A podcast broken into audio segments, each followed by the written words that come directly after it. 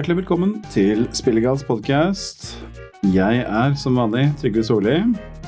Med meg i dag har jeg med meg Nicolas Kydland. Hei òg. Jeg har med Sindre Skåre. Jøss, det er meg, jo. Det er deg. Og selvfølgelig Terje Høybakk. Hallo, hallo! Du merker jeg at uh, her øker narsissismen for at jeg introduserte meg sjøl først. Å, fy faen. Nå må du passe på deg. Ja, det er, det er, det er, det er kanskje, det, kanskje det viktigste faresignalet på om du er i ferd med å bli narsissist. Om du introduserer deg sjøl Ja. først. Man vet du hva man sier om hovmod. Ja, uh, det står for uh, fall. Det går kjempebra med alle som er hovmodige. Ja. Det har alltid vært det. Hovmod. Det går kjempebra. Det Ja. er det som er minuelle. Nei, øh, denne gangen så har vi et tema som jeg elsker hvordan det er formulert. For temaet er helsomme spill. Selvfølgelig, de som ikke tar den referansen, så er det da det engelske ordet 'wholesome'. Hmm. Ja. Så altså det er koselige, trivelige spill som ikke byr på så mye utfordring, men som er veldig sånn hyggelig og avslappende spill. Familievennlig underholdning. Ja, Kjernesunne. så kan man Kjernesunne, Kjernesunne, er det- Ja, sunne spill var vel det som ble oversatt med, var ikke det? Ja. Ting, spill du kan spille med både unga og besteforeldrene dine liksom, uten at noen får helt bletta. Mm. Tror muligens en spill til Terje ikke faller inn eh, i den kategorien. Ikke, Nei. ikke mitt heller, tror jeg. Men Nei da, men eh, det temaet kommer, kommer vi tilbake til. Uh, aller først skal vi selvfølgelig ta en liten runde på hva vi har spilt uh, siden sist.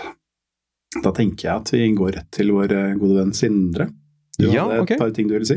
jo, uh, så etter den forhåpentligvis famøse Gameboy-episoden, hvor vi la så veldig mye ut om denne fantastiske håndholdte konsollen, så jeg innså jeg at eh, herregud, jeg har jo en fungerende Gameboy Advance SP, eh, og jeg har en kopi av Castlevania, eh, som du har pratet så veldig varmt om tidligere, og da har jeg Mhm. sittet nå på, eh, på trikken inn til jobb eh, hver dag, og sittet og sakte liksom jobbet meg gjennom eh, Castlevania til Gameboy Advance. Eh, og det er jo Hvilken er det igjen? Er det, er det Circle of the Circle Moon? of the Moon du snakker om? Ja, det er det. Det het bare Castlevania i Europa. Riktig. Det var noen som lokaliseringstull der, ja. Men Mm. um, Ja, altså Hva kan man si? Uh, jeg tok jo, tok jo tidligere og gjorde observasjonen, da, som ikke var min originale observasjon, men at, at Dark, uh, FromSoft, altså Dark Souls og Demon Souls og alt det der, er på en måte litt sånn åndelige Åndelig oppfølger til Castlevania, da, eller basically en, en 3D-versjon da, av Castlevania-spillene. Uh, og når jeg sitter og spiller, spiller, eh, spiller gjennom eh, det spillet, så innser jeg bare sånn Ja, nei, det er ganske spot on, ass, fordi det er sånn eh, Du har liksom den samme flyten med at uh, du tar helt basically bare kjemper på harde livet mot å komme mellom bonfire og bonfire, eller save room, da, i Castlevania. Mm. Uh, og det er alltid like deilig å gå inn i nytt rom med liksom sånn fem HP igjen, og på dødens rand, og så ser du den der store, dumme, røde sirkelen du kan save i. Eh, det, er, det replikerer den følelsen. Det er perfekt, altså. Um, Mm. men ja, men også, jeg må bare si sånn derre Jeg hadde jo helt glemt hvor bra Gameboy Advance-spill kunne se ut. Altså, det er virkelig Mm. helt insanely bra sprite work. Um, Det er det. og jeg var også veldig sånn Men når jeg først begynte å spille, så tenkte jeg bare sånn Å nei, dette her er et gammelt spill. Uh, fordi det første jeg gjorde, var at Å, nå skal jeg løpe. Å nei, nei, nei. Han uh, Det er ikke Simon han heter. Hva er det han heter? En eh, Hugh, er det ikke det? Uh, jo. Eh, Hugh han tar jo og bare spankulerer av sted i et ganske rolig tempo, da. Jeg tenker bare sånn Å, faen, er dette et sånt spill?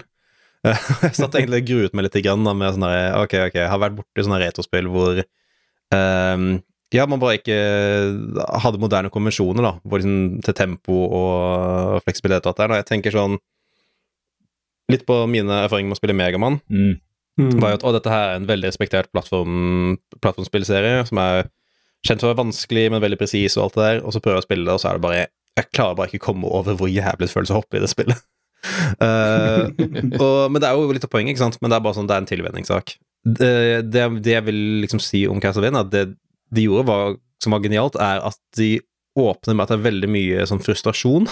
Sånn at ah, du kan ikke løpe, uh, du, kan, du, kan, du kan ikke dobbelthoppe, og du kan ikke crouch, uh, crouch og krabbe under uh, barrierer og alt det der. da. Men etter hvert som du spiller så får du unlocks som liksom åpner opp mer av disse på en måte grunnverbene da, som du gjerne er liksom ute etter. Mm. Og det syns jeg var veldig sånn Det synes jeg var et veldig sånn smart grep, fordi jeg, jeg satt og liksom var sånn frustrert og var typ sånn faen, det så jeg er så treg og jeg er så umanøvrerbar, og dette er dritvanskelig.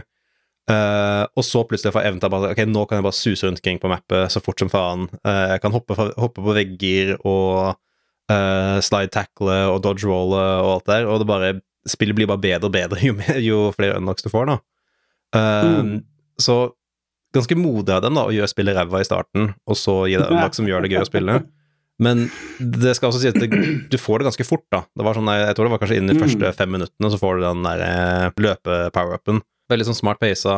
Um, jeg lurer på hvor stort spillet faktisk er, for jeg husker når jeg var liten og spilte for første gang, så føltes det helt enormt ut. Men da var hendene dine mye mindre, vet du, husker det? Hadde ikke kassetten Ikke sant? mye ikke sant? Og øynene mine var bitte små, ikke sant? så kartet var så stort. ja. Eh, Men jeg lurer, liksom, jeg lurer faktisk veldig på hvor, liksom, hvor, sto, hvor, hvor stort er faktisk spillet. Sånn, Er jeg over halvveis gjennom eller ikke, og alt det der, da. Så det er litt sånn der, det er interessant å liksom se hvor mye på en måte kontrastene mellom moderne spill og uh, dette spillet her er. Fordi jeg har liksom bygd opp visse forventninger og er vant med visse konvensjoner og alt det der. da. Så jeg innser at veldig mye av det liksom låner fra uh, Castlevania-spillene, men så lurer jeg også på hvor mye er det som er forskjellig da, med moderne spill som har liksom hentet fra det. da. Sånn moderne Metroidvanias, da, som du gjerne kan kalle det. Ja, altså de, Alle Gameboy-spillene er jo sånn at det der med at du låser opp eh, nye verb og sånne ting som du nevnte Uh, Du brekker spillet fullstendig i løpet av den tida du spiller det. Mm -hmm. uh, Circle the Moon, der kan du I praksis så kan du fly uendelig Ja, ikke sant? når du kommer langt nok. Ja, for det er også sånn, det, ja, det er også sånn i kontrast med Altså, vi har jo spilt litt, uh, litt Destiny og sånt, eller det har kanskje spilt litt mer enn meg, kan man si. Men uh, det, det som slo meg, var sånn Jeg fant en power-up som gjør at jeg gjør 25% mer skade. Og jeg tenker sånn her, Det er prosentøkninger du aldri ser i Ja, videospill lenger. Alt er sånn her 1,2 liksom, prosent. Så Ja, det er en av mine pet peeves. Er den der om du sitter på Mhm. jævla skill tree og bestemmer for om liksom sånn, ah, 3% sjanse vi, liksom, hvis jeg quitter med den våpenet under de omstendighetene, eller Mm. ja, ja, ja. Det er veldig fett å ta meningsløse valg. Du har 2,5% sjanse til å gjøre 10% mer skade per angrep, liksom. Det er sånn. Yes, Yay. nå blir alt mye bedre. Oh. Men ikke for å gå for en sto, på en stor digresjon her, da, men sånne type power-ups gir jo kanskje litt mer mening i spill hvor det er veldig høyt volum av angrep og sånne ting. Da. Jeg tenker Ja. da. Vampire Survivors og Hvor du sånn. kan bygge builds Ja. veldig, veldig Da har 3 mye å si, men når du eh, kan slå pisken én gang i sekundet, da er det en litt annen sak, tenker jeg. Nå har du spilt noe særlig, eller mange Castlevania-spill ellers, liksom? Nei, det er egentlig bare den her, altså. Er, er, det første, er det første Castlevaniaen din? Ja. Uh, ja, både kronologisk og også sånn i moderne tid også. Eller jeg spilte vel Det var vel en tredje Castlevania til Var det til Wii? Ja, men den har, den har alle spilt. Den, den tok jeg for gitt at du hadde rørt. Alle Ja. har spilt det, men uh, Ja, nei, men jeg har liksom ikke spilt noe særlig Castlevania, nei, bortsett fra ja, som sagt, den her originalen på Gameboy, og nå går jeg tilbake til den igjen og innser at yeah, jeg burde kanskje rote meg til å gå inn resten av serien snart, altså. Nei, for jeg, men jeg- ja, jeg storkoser meg. Det er veldig Mm. Det er alltid, sånn, alltid imponerende å gå tilbake til spill og innse bare typ sånn Å, det er her alt det her kommer fra. Sånn, du, du Mm. kan liksom se ja, ja, ja. Du kan liksom se Det er som å se helleristningen i veggen, ikke sant? For det er noen av de mekanikkene du beskriver som eh, har vært til stede i de tidligere spillene også. Mm. Mm. Så Symphony of the Night også har jo det der med at du unlocker skills eh, underveis. Ja, ja. Og de, den starter jo også med at du, du har alt det kule utstyret fra start av uh, de første par minuttene, og så kommer en boss og, ta, og tar det fra deg. ja, ja, ja. Ja, så at du, du, får en sånn, du, du får en sånn liten smakebit på ok, det kommer, eller så, så mektig blir du. Mm. Ja, det er vel Um I den her så er det vel bare en total scrub, tror jeg. Du er sånn her lærlingen til, eh, til en av Vampire Hunter, og han blir bare knerta i første cutscene, liksom, og så bare Ja. Mm. Må du, lille, lille newbien, uh, intern, liksom, ta tasse rundt med Tasse rundt i Darkler-slottet og prøve å overleve. Så det er ganske Ja. sånn gøy progresjon. Din tur til å skinne. Mm. Ja, men det er mye, mye gull i Castlevania-serien. Det tror jeg vi kan si uten å være veldig kontroversielle. Og så er det også sånn, får det også med å tenke på sånn hvor forskjellige handhelds er nå i forhold til hvordan det var før. Fordi um, en ting som overrasket meg litt, grann, var at uh, Gameboy Advance SP har ikke en suspend mode. Mm. Den kan kun skrus av og på. Og jeg tenkte på sånn, det er faen meg sant det. Gameboy oh, ja. var det sånn type sånn Det er den der klassiske sånn der Å, jeg må finne et save point. Og det, jeg må jo faktisk ofte gjøre det. For har vært flere ganger hvor jeg liksom sitter uh, og bare sånn nå har, jeg nesten, nå har jeg nesten den bossen her. Og så ser jeg liksom batteritiden på, på Gameboyen begynne å blinke rødt. Jeg bare sånn faen, faen, faen, faen, hva skal jeg gjøre nå, liksom? Det er eget sånt gameplay-element. Mm. Det er sånn det beste jeg kan gjøre. er liksom Bare skru, på, skru av backlighten og lukke ja, du må ut i sola for å lade opp uh, helsa. Ja. Ja, men Det var flere spilt på Gameboy som, eh, som koda en egen sånn sleep modes Mm. for at du kunne, skulle kunne dimme skjermen. Ja, sånt. stemmer. Ja, ja. Ja, nei, Espen har i hvert fall en sånn eh, knapp som du kan trykke på som skrur av backlighten, så det sparer vel, eh, sparer vel litt uh, En del strøm, faktisk, vil jeg tro. Men uh, Ja. det har vært et par ganger av hvor jeg Som sagt, jeg spiller jo gjerne på vei og tilbake fra jobb, som er en kvarter lang trikketur, ikke sant.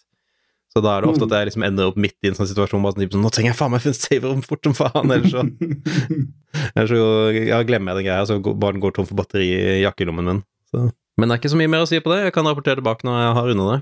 Gjør det. Ja. Det er vel verdt å spille ferdig det spillet. Mhm. altså. Synes jeg, jeg huska, jeg, Det var bedre enn jeg huska det Mm. da jeg spilte det nå nylig. Ja. Jeg vil også forstå bare sånn avslutningsmessig bare si hvor digg det er å spille portable igjen. Mm. Fordi det har jeg ikke gjort på lenge nå, eh, etter at uh, Vitaen min ble stjålet. Mm. Og det er bare det å bare, liksom, bare kunne bare snike inn sånn 10-15 minutter uh, med gaming på bussen, eller når enn du liksom har litt downtime.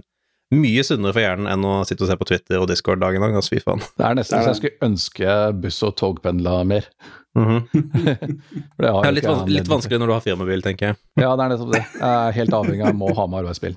Så, sånn er det. Må, du må melde inn at du har behov for egen sjåfør. Da. Ja, ja, det har jeg sagt, det har jeg sagt, flere, sagt flere ganger. Mm. Mm. Ja, nå er det noe de snart hører. Ja, Men når du legger, eh, slenger DC-en på skrivebordet til sjefen, da skjønner han alvoret. ja. ja. Nei, men jeg skal ta og sende sjefen en kopi av den podkast-episoden her, så han hører at Trygve Ja. sa det. Hallo, Ja. nå må jeg reagere her. Kan ikke argumentere mot eget. Hva den het den? Var det, var det Jaguar den het, det der portable systemet? Mm. Nei, Lynx tenker du på? Lynx er det, ja, ja. Bare sleng en Ja, sånn ja. en på skrivebordet og se på dette her er det autentisk Lynx, liksom. Nå, nå, Ja, ja. nå ser du alvoret i situasjonen. Jeg har den oppi hylla her. Ja, ja, den snakker jeg til du? Ja. Hvor mye batteritid har den? Hadde, den? hadde batteriet holdt hele veien til jobb, eller er det Ja, er, det, er det det lå på? Det var fire timer eller noe sånt nå? Ja, det er omtrent som i dag, da. Er ikke det liksom Er ikke cirka der vi ligger med Seks, Jo, jo. Det er omtrent der det switchen er nå. nye PlayStation-kontrollen? seks dobbel av batterier og fire timer. Det var noe sånt. Mm. Ja, nei, men Terje, du har også spilt noen ting. Nå er jeg veldig spent. Ja, du er det, ja? Dette ja. virker veldig lovende. Jeg toger videre gjennom Fall-In-katalogen, selvfølgelig. Oh. Så Verste jeg har hørt. ja, jeg er kommet til eh, Thomas the Tank Engine and Friends til Super Nintendo. Oh, det er Ja, kvalitet. Lokomotivet Thomas-spillet til Super Nintendo. Og eh, ja, jeg har spurt meg sjøl flere ganger liksom, er dette her verdt det lenger å drive og holde på med. Og ja, underveis i det her så satt jeg virkelig med panna i, mot håndbakken og liksom hva faen driver jeg med? Ærlig talt.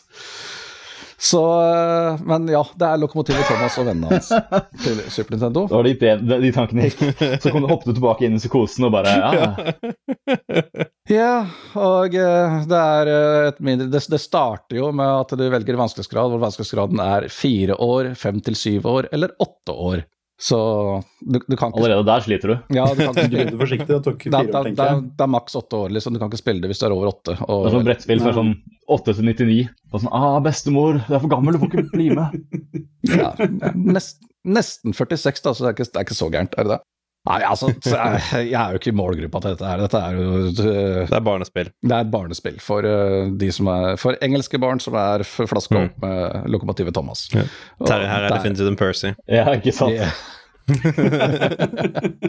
så nei, det, så, det gikk, Lokomotivet Thomas gikk jo på NRK barne-TV på 80-tallet da jeg var eh, sneip, så litt rann forhold til Harn, han det, men yeah. Ja. Nei, men det er sånn Jeg syns jo, synes jo altså, Originalserien er et fascinerende stykke uh, med barne-TV, for det er sånn Det er jo morality plays fra sånne her uh, insane jævla britiske Tories, liksom. Uh, Ja. Men det Du er kan masse briter. ja, men det er narratert av eh, Ringo Starr fra Beatles. Ja, ja. Og jeg tror han også lagde intromusikken.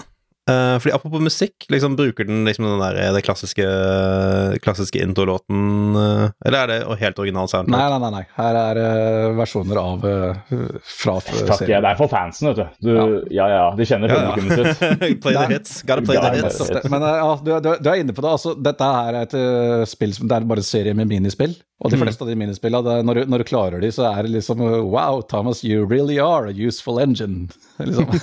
ja, ja. You really are the tank engine. Ikke sant? Så eh, ja.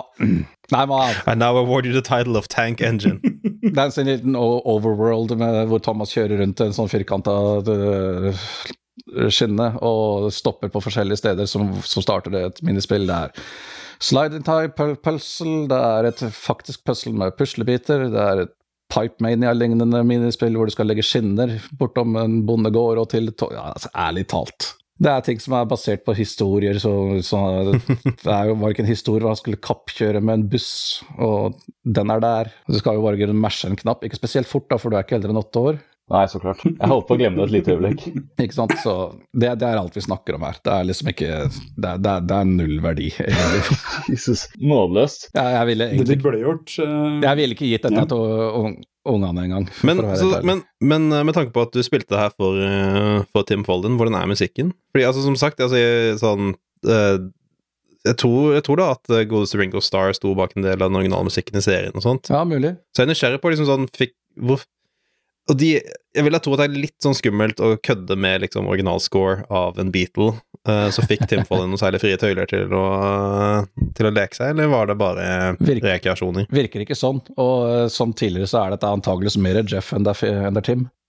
Av de to Mm. brødrene. Ja, ikke sant? Det er Men den ja, det er, det, er, bare- det, er bare, det er bare reproduksjoner av eh, originalmusikk. Mm. Men det er, det er en god reproduksjon. Da. Det låter jo ikke Altså, hvis du er fan av det temaet, så låter det jo ikke jævlig. Og eh, en, del av den andre bakgrunnsmusikken er visstnok For det er visst et eget Percy-team og et eget James-team og, så videre og så videre. Og jeg, jeg har ikke sett det serien siden jeg var en sneip på 80-tallet, så Du har ikke kontroll på Lauren, liksom. Du vet ikke hvordan det passer inn i liksom, Thomas Tank Engine Cannon sånn helhetlig. Nei, jeg har virkelig ikke det. Men en av de tingene som, virker, som dukker opp i det spillet her, da, eh, det er jo ikke et minispill. Du kommer til en sånn stasjon hvor det er tre historier. Du velger mellom tre historier, så, blir, så, så er spillet rett og slett bare en bildebok som forteller den historien. Ja, ikke sant. Og hver side har en sånn liten ti sekunders eh, jingle, sånn liten trudelutt. Noen av de gjentar seg, men det er jævlig mange unike. Og det var jo et, pro det var et problem for meg, da, for noe av det jeg gjør, er jo å arkivere all denne musikken. Jeg skal jo, jeg skal jo ta det opp og arkivere det. For eh, jeg kikker jo selvfølgelig på hva som allerede er tilgjengelig på internett, hva som er rippa fra før. Og eh, det, var 27 eh, lydfiler som var rippa fra det spillet her fra før. Det er ca. halvparten av de sangene som faktisk finnes i spillet. Å ja. Det er jo jævla uproft av disse ripperne, da. Må, ja, må ja sannsynligvis så bare kjører de en, eh, De bare kjører et eh, sånn skriptlignende sak som søker etter de der eh, lyddataene, og så Ingen har virkelig gjort noen seriøs effort for å rippe all musikken fra fuckings Ingen som tar pliktene sine på alvor. Nei, Merkelig, altså. Det syns jeg det er, det er ganske snålt. Spytte på Thomas-fans over hele verden. Ja, ja. Ikke sant? Nå ligger i hvert fall all musikken på en archive.org-side, Hell yeah. for de som vil. Så, men det er bare seks eller syv eh, hele låter. Resten er bare sånne ti sekunders eh, jingler og snutter som hører til de der historiebok-segmentene. Mm. Så Ja, nå fins de i hvert fall på internettet. Men alt skal det, Ja, ja, God's work, Thank you altså. for your service. Det, altså, det, er, det, er, det er grunnen. Framtidige generasjoner står og gjelder til deg. bra at du orker å karre deg gjennom det her. Altså. Ikke sant? Men eh, er du klar over Altså, for å, for å få tatt opp det du sitter med Audacity gående ikke sant, og bare blar igjennom den her bildebokhistorien som tar opp jingle etter jingle. Noen av de gjentar seg, som sagt. Mhm. Og når du da sitter med et Audacity-spor med 60-70 sånne små tisekundersegmenter, og du må drive og prøve å gjenkjenne hvem av de som er like, så du ikke tar og lager Ja, fy faen. Det må være noe Ja. jævla dritt. jeg, jeg er glad det fins kaffe, jeg er glad det fins øl. Fy faen, altså. Er det sånn at hvis, noensinne, hvis, hvis Thomas, eh, Thomas Toget kommer på TV, liksom, så får du sånn PTSD eh, eh, Sånn flashbacks, oh, liksom. Jesus. Ja, jeg tenkte på det da vi snakka om mods egentlig for noen episoder siden. For En Mm. Skyrim-mod er jo at du kan bytte ut dragene med Thomas-toget. Ja, ja, den er, det er sant, det. Ja, ja, det jævla Thomas-toget flyr oppi der, og Mm. du hører musikken eh, oppi der, og den plutselig stuper den ned mot deg og puster inn, ikke sant. Det, det, det er min reaksjon på Thomas-toget nå for tida. Ja, apropos det, jeg tar jo alltid, hver gang du prater om disse spillene, tar jeg alltid og googler eh, screenshot, eh, bilder fra dem. Og dette er jo en Ja. podcast, altså det er et visuelt medium, men um, Stemmer. forstår jeg det så at det er to forskjellige versjoner av spillet her? Fordi, yep. uh, fordi jeg ser på Super Nintendo-versjonen, ser ganske sånn, ja, helsom og koselig ut og alt det der. Men så er det Mhm. noe jeg antar er en Amiga-versjon eller noe, Ja, ja. hvor eh, ja, eh, tegningene er ganske sånn Ja, Ja, vi har alle sett det, det det- søte, det det de søte lille måneansiktet til Thomas og alt det, men her ser det ut som sånn en likmaske fra en, fra en eller annen kult eller et eller annet. Det er virkelig Ja, skremmende da, å se på. det, det fins en dataspill, uh, uh, Lokomotivet Thomas-spill, som er porta til flere av disse her dataspillplattformene. Dette er ikke samme spillet. Ok, ok. Vi må bare smøre oss med tålmodighet. Nei, altså, det de. fins også et Megadrive-spill som heller ikke har samme spill. Mm. Det er et tredje spill. Men det fins en annen versjon av denne Super Nintendo-spillet, som var til den vanlige gamle Nintendoen. Bortsett fra at den er kansellert. Den blei aldri gitt ut. Men prototypen er lekka, og den er full av sånn cirka like mange Jeff Follin-lydspor, den òg. Ja. Så jeg har gjort dette her to ganger. Å nei, herregud. Oh, jeez, Louise. Ah, the things you do for love. Eh, det fins Nei. faktisk ikke nok kaffe. Ja, da fant du ut det, i hvert fall. Det, det fins nesten nok. Nei, men uh, Det jeg tenker de burde gjort med Thomas Tank Engine, at de Mm. burde lagd eh, noe à la Transport Tycoon, hvor du kunne bygge en egen toglinje eller sånn. Det er veldig kult. Det hadde jo vært noe. Kan jo bare gjøre det litt forenkla. Men da hadde det ikke vært for barna lenger. Jeg spilte jo Gammal Way, da jeg spilte Jeg er jo kanskje tenåring da jeg spilte Transport Hvor stor, hvor stor del av liksom, TV, barne-TV-serien er liksom logistikken og liksom Mm. hele liksom Er det så veldig mye fokus på å drive jernbanen, liksom, i den originale serien? Det, altså, jeg har sett mye Thomas-lokomotivet Ja, du må spørre noen som husker. i voksen alder fordi jeg har unger. Og jeg kan avsløre det at mesteparten av serien det handler om eh, hvordan mennesker eh, kan, samme, kan liksom leve sammen med tydeligvis da en rase med tenkende og f ø, uavhengige eh, lokomotiver som bare Nei, i dag så Du, du kommer deg ikke til sjukehuset eh, for de lyser for at ja, lokomotivet gidder ikke. Det har ikke lyst i dag. Og avsporing som raserte tre hus og drepte 25, det nevnes ikke i serien, men det er implisitt, det kom av for at lokomotivet skulle tøffe seg, Mhm. liksom. Det er sånn. Så det er, det er, en marerittverden, kort fortalt. Jeg husker fremdeles den der episoden hvor det var et eller annet tog som var liksom så rampete og skip, og ingen likte han alt der. Ja, akkurat den. Så det ender opp med å gjøre at de gjør en sånn jævla De tar fuckings sånn cask of uh, amontillioner han, og bare murer han inn i en, i en uh, tunnel. Bare, bare sånn begraver han levende, liksom. Ja, nemlig. Dette er, disse lokomotivene er jo levende, tenkende vesener. i Ja, det er helt universet sinnssykt fucka. Og de faen meg Yes. bare murer den inni og glemmer den. Ja, og så er det en annen hvor det er sånn her Det er en av de kullvognene som jeg ikke husker hva heter akkurat nå. Ja, en av de som er så problematiske at uh, det er to tog som bare gjør sånn derre romersk kolosseum liksom blir dratt i hjel av hester. Hvor det er to tog. Du putter en sånn derre tauing, tauingssetting på hver side og bare river den i to biter, liksom, for hver ende. Jesus. Som sagt, ja, så, Det er det. ja det er sånn, det er sånn fucka britiske morality place, rett og slett. Ja, ja, ja, nettopp. Lærdom vi skal ta dette. Trenger man alltid en sterk dikta dikta diktator Ja. øverst som kan styre alt. Ja. Det er jo Den tjukke, kontro kontrolløren, jeg husker ikke om han heter på norsk, Mhm. han, han er jo Ja. Fat controller. Ja, The Fat, the fat controller. Ja. Han er jo ene- han er jo eneveldig hersker, så Ja, ja. Mhm. Han smiler og kaller det en really useful engine så lenge du gjør jobben din det er, det er akkurat det der. Det er ikke Det er noe annet ord for det. Det er, det er grusom, eh, grusom virkelighet som presenteres der. Forestill deg state of Mm. mind hvor du sitter og skriver dette for Ja. barn og tenker at dette her er oppløftende og liksom optimistisk. Ja. Dette, er liksom sånn, dette, er dette, dette er verdiene vi vil inn Ja, det er en fuckings Ja, det er en marerittverden. Det er jo det. Jo, jo, Ja. men Nei, men, Mm, det er. Nei, men Det skal som- ikke være han- oppløftende, det skal være indoktrinerende. Press- er jo, men han, han som skrev det, han var en sånn derre ah, Han var en sånn skikkelig sånn der bambusstokk-type sånn pedagog, liksom. Ja, ja. Sånn type sånn Man må Skulle- banke ungene for at de skjerper ja, seg, liksom. Det er jo bare naturlig. Husker du første gang du murte inn barna dine i en tunnel? Eh, Det er, et, det er et minne jeg vil ta med i resten av livet. Det skulle jeg tro. Ja, Sånn det skal være. Mm. Yes, nei, men eh, Niklas, hva har du funnet på for noe infanteri, da? Ah, godt spørsmål. Altså, jeg, jeg trodde jo jeg hadde spilt spill, men jeg ser jo, har jo ikke rippa noen lydspor eller lydeffekter, så kan, jeg vet ikke om man kan kalle det det. Men altså, Nei, det kan man ikke. nei. Det er riktig. Ja, Jeg har gått forbi det, liksom. nei, da har du jo Nei, ikke det har ikke gjort det. Nei, altså Jeg spilte litt den nye sesong Siege, så da må man jo Ja. alltid på og ta en liten titt. Det, altså Mhm. Jeg har snakket om det Ja, altså sånn, jeg har jo snakket om det tidligere. Jeg har joina på den et par ganger òg. Det er ikke så veldig Vi har jo voldsomt, men diskutert eh, Siege ganske bra, det har vi. Ja. Føler jeg. det er mer Siege. Det er, det, det er good. Det er på greit sted nå, føler jeg. Uh, Men det er jo verdt å, det er verdt å nevne hvordan den nye operatoren, da, mekanikken hennes, som bare er hijinks galore ja, ja, ja. Uh, liksom sånn Den nye, nye helten er liksom en sånn uh, en attacker som har en, en egen drone, og så kan den liksom kapre gadgets og kameraer og alt mulig rart, feller og sånn, på, på den andre siden. Eh, så det er jo litt sånn Kan jo velte, er litt sånn omveltende for metaen, men sånn, jeg vet ikke. Det er, liksom, det er så mye greier i Siege nå. Uh... Men det er jo akkurat det jeg syns gjør, gjør henne så Mm. morsom, da. Er jo fordi ehm, så mye av Siege er jo basert på liksom sånn ah, Man velger ofte en operator for enten for gunneren eller for gadgeten. Eh, og nå tar den og sier bare typ sånn oh, alle de Altså Si for eksempel da, hvis du velger Capcom, hvor hele dealen er at han basically legger ut uh, tripwires rundt omkring i, uh, i mappet. Ja, snublefeller på dørene. Ja, ja, setter feller på dørene, som hvis du løper gjennom en dør, så eksploderer, eksploderer en Claire Marmino og dreper deg. Nå, kom, nå kom, er det en operator som bare kan stjele gadgetene deres, sånn at de er vendt mot fiendens lag.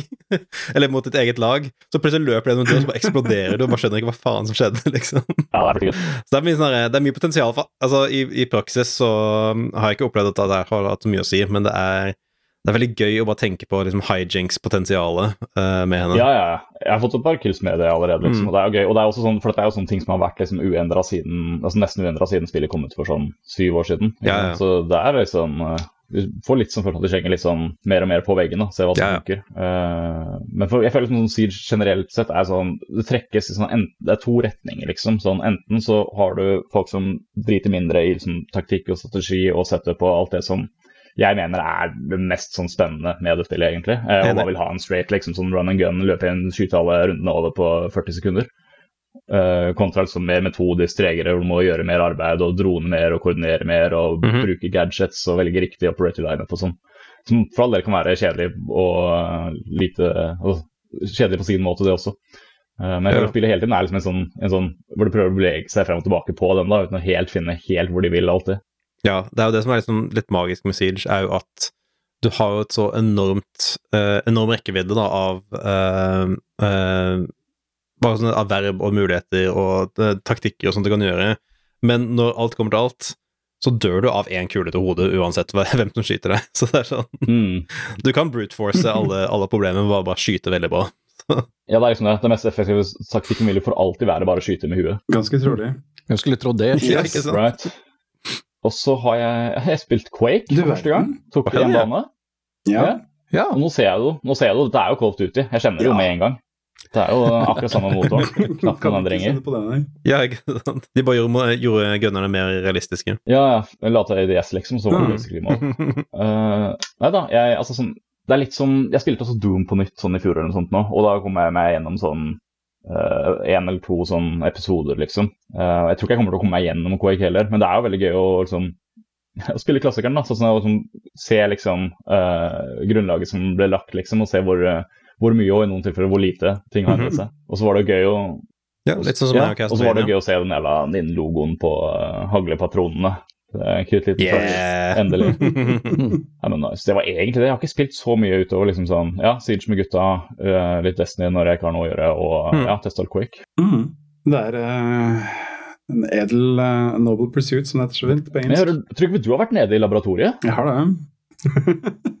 Eh, hvilket laboratorium, spør du? Nei, uh, bare for å si det, da. At eh, jeg har jo Jeg har nevnt det før at jeg er jo forholdsvis glad i VR. Uten at jeg spiller så altfor mye, riktignok. Alltid. Men nå er det jo Steam-salg. Og et spill jeg har hatt lyst på lenge, det var på salg. Så det har jeg kjøpt. Det heter Bone Lab. Ja, det til beinlaboratoriet, ja. Knokkellaboratoriet, rett og slett. Nei, bare litt sånn, litt sånn liten bakhistorie. At eh, det er uh, laga et studie som heter Stress Level Zero. Som er eh, verdens mest misvisende spillselskapsnavn. For at eh, alle spillene deres er dritstressende. Det er um, Det forrige het vel Boneworks, som også var et VR-spill. Uh, og Bonelab er ikke akkurat noe oppfølger, ettersom jeg har skjønt, men det er- bygger jo på det samme genene. Mm. Uh, du kan tenke deg Half-Life, bare i VR. Og så Istedenfor at det er Valve som laga det, sånn at det blir Half-Life Alex, så er det noen folk som har som visjon at VR trenger å liksom, skal hele tida pushe grensene. Og liksom oppdage nye ting å gjøre og liksom se hva som Bare klaske ting sammen og se hva som skjer. Så alle de der safeguards som du har i andre VR-spill, sånn som at du bare kan rotere deg 45 grader, du kan velge teleporterings og sånn og, i stedet for å gå Ingenting av det er med i noen av de spillene der. Det er, det er full locomotion, som heter. Ikke noe sånn vignett sånn at du skal få mindre motion sickness. Det er bare Hvis ikke du tåler dette her, så må du spille noe annet. Det er det det står når du starter spillet. Ja, ja. Så Det er, det er VR-versjonen av slutten på Clockwork Orange, liksom. Du må bare strap in og bare øynene vidt åpne og bare ta alt inn. Mhm. Ja, det er det. Er det. Det, er, altså, det, er, det er jo altså, det er sånn fysikkdreven uh, skytespill med bare alt Med, altså, med, med guardrails uh, fjerna. Det er egentlig hele greia. Altså, det, det, er ikke, det er ikke spesifikt skrekkspill, men uh, det er en egen følelse. For at de har, de har lagt inn Det er ikke, det er, ikke, altså, det er headcrabs fra Half-Life i praksis. Bare at i, i Bone, Bone Lab så er det små VR-hjelmer med sånn krabbebein som er skriker. Og så kaster de seg mot hodet ditt. Og så, hvis du ikke klarer å slå den vekk eller skyte dem, eller sånt, så bare griper de tak i ansiktet ditt. Og så, så, får du en, så, blir, så tar du skade i spillet, samtidig som du får en sånn derre uh, sånn der absurd sånn der Matrix-drømmeverden tredd foran øynene dine. Mm, Og da må okay. du Det visste jeg ikke om det. Ok. Så da må du fysisk bruke kontrollene dine og ta tak i den jævla eh, VR-hjelmen og dra den av ansiktet ditt og kaste den fra deg. eh, Altså med, med bevegelser. Veldig bra. Eh, altså, ja, altså jeg, som sagt, vi har jo nevnt det før, altså jeg er ikke så lettskremt, men jeg får fullstendig hett av den greien der. ja, men det kan du si litt om Bone Lab, da, veldig kort. Altså, det er en sånn kjapp eh, Jeg har ikke spilt veldig langt, for at det er litt ustabilt ennå. Det krasjer mye. Men eh, det starter med en litt sær sånn intro. Eh, jeg skal ikke spoile helt hva som skjer der, for den er egentlig ganske kul. Eh, du, det er liksom en slags tutorial da du skal gjennom en sånn eh, startområde, og så må du blæse ned folk. Og så kommer du til liksom eh, Bone Lab Hub, da, som er mer sånn pick your poison. Hva vil du spille? Da kan du velge The Arena, som det er selvfølgelig, en arena-skyter. eller Sandbox, hvor du kan lage forskjellige ting. Spåne props og våpen og sånne ting. Og så har du en parkourbane. Du har ja, jeg husker ikke alle, men det er liksom sånne eksperimenter. Og så er det veldig, det som på en måte er lagt inn veldig her, er at du, eh, det er bygd inn mod-støtte. Ja, ikke sant? eh, sånn helt fra bånn av. Og det kjører på en real engine, hvis hvis ikke jeg husker helt feil. Så, Det tror jeg ja, ikke. Ja. så det er eh, veldig De her selger det veldig på det, at du skal kunne legge inn mods. da. Eh, det klippet som fikk meg til å tenke at dette, dette spillet må jeg kjøpe meg, det er eh, et klipp hvor det er en som har bygd eh, Som er på Woohoo Island fra Wii Sports eh, og går på sånn liten sånn hengebru. Uh, og Så kommer Deadpool, og så tar han eh, Deadpool og så stikker han kniver inn i han på forskjellige steder. og Så sitter fast, så tar han tak i knivene, kaster han over sida, og så tar han også, De syns at han er Spiderman, han som spiller, så han skyter sånn nett og kaster han får tak i Deadpool igjen, binder han til brua, så han snurrer rundt og rundt, rundt, og så snurrer han, og så til slutt tar han steikepanna og så slår han i ansiktet, så han flyr av gårde. Det var um, Det er en sånn liten ting du kan gjøre i uh, Bone Lap Bare en liten ting, ja. Så det er, eh, nei, altså det er, det er veldig sånn uh, Det jeg har spilt mest, er eh, arena shooter-greia. Og Da er det bare er et lite område, og så kommer det zombier hele tida. Ja, er bølgebasert, liksom. Sånn klassisk arena Ja, shooter. wave, wave uh, horde Ja. shooter. Ja, det, som man har spilt før. Men altså, det er det jeg har spilt i VR. Også det er, den versjonen jeg spilte, så var det bare to fiender. Det var en zombie som bare luska mot deg og prøvde å spise deg. Så han kom Og den andre er deg selv, som alltid en- holder deg selv tilbake, ikke sant? Ja. og, så, og så er det um, en glødende zombie som skyter sånne energiballer da, som du kan må unngå. Um, men det holder oss. Det er liksom, Du blir stressa, for du vet jo ikke når det kommer en zombie bak deg. Men de bare spawner inn overalt. Det jeg har sett av Bonab, er jo veldig sånn uh, De gjør en ting som jeg syns er veldig modig i VR, er jo sånn full body presence, som man Ja. kaller det. At man kan Ja, se hele kroppen sin. Uh, og når jeg jobbet i VR, så hadde jeg veldig lyst til å gjøre det, men vi konkluderte med en gang at det, det er ekskluderende, altså. Sånn, en ting er sånn ting som uh, vignett når du beveger deg, og 45 graders eh, sånn snap-rotering og Mm. Men en ting vi vi- vi erfarte veldig fort, var jo at ja, altså VR-prosjektet jeg jobbet på, hadde ganske bra sånn uh, uh, inverse kinematics, tracking og sånne ting av så videre. Mm. Vi tenkte bare sånn, ah, da må du se kroppen din, selvfølgelig, siden vi tracker hele kroppen. Og fant veldig, ut at, fort ut at nei, hvis albuen uh, eller knærne dine ikke er der du tror de er, da mister folk balansen og bare tryner. Fordi de blir, de blir så forvirret av å se, Ja, se ned på kroppen og bare bena er ikke der de tror de er. liksom. Ja, Det er litt det der eksperimentet med hva, hva, at man putter ned hånden, uh, og så tar man og begynner å hamre løs med sånn gummihånd Ja, ja. som er rett ved siden av den. Mm. Hva er det det heter, det eksperimentet? Um, oh, faen, ja. Ja, men det er, sånn der, det er noe med at liksom hjernen klarer å fylle, fylle veldig godt inn, da. Uh, mm. sånn tomrom, da, hvis de har, men har god nok visuell referanse. Så ja, ja.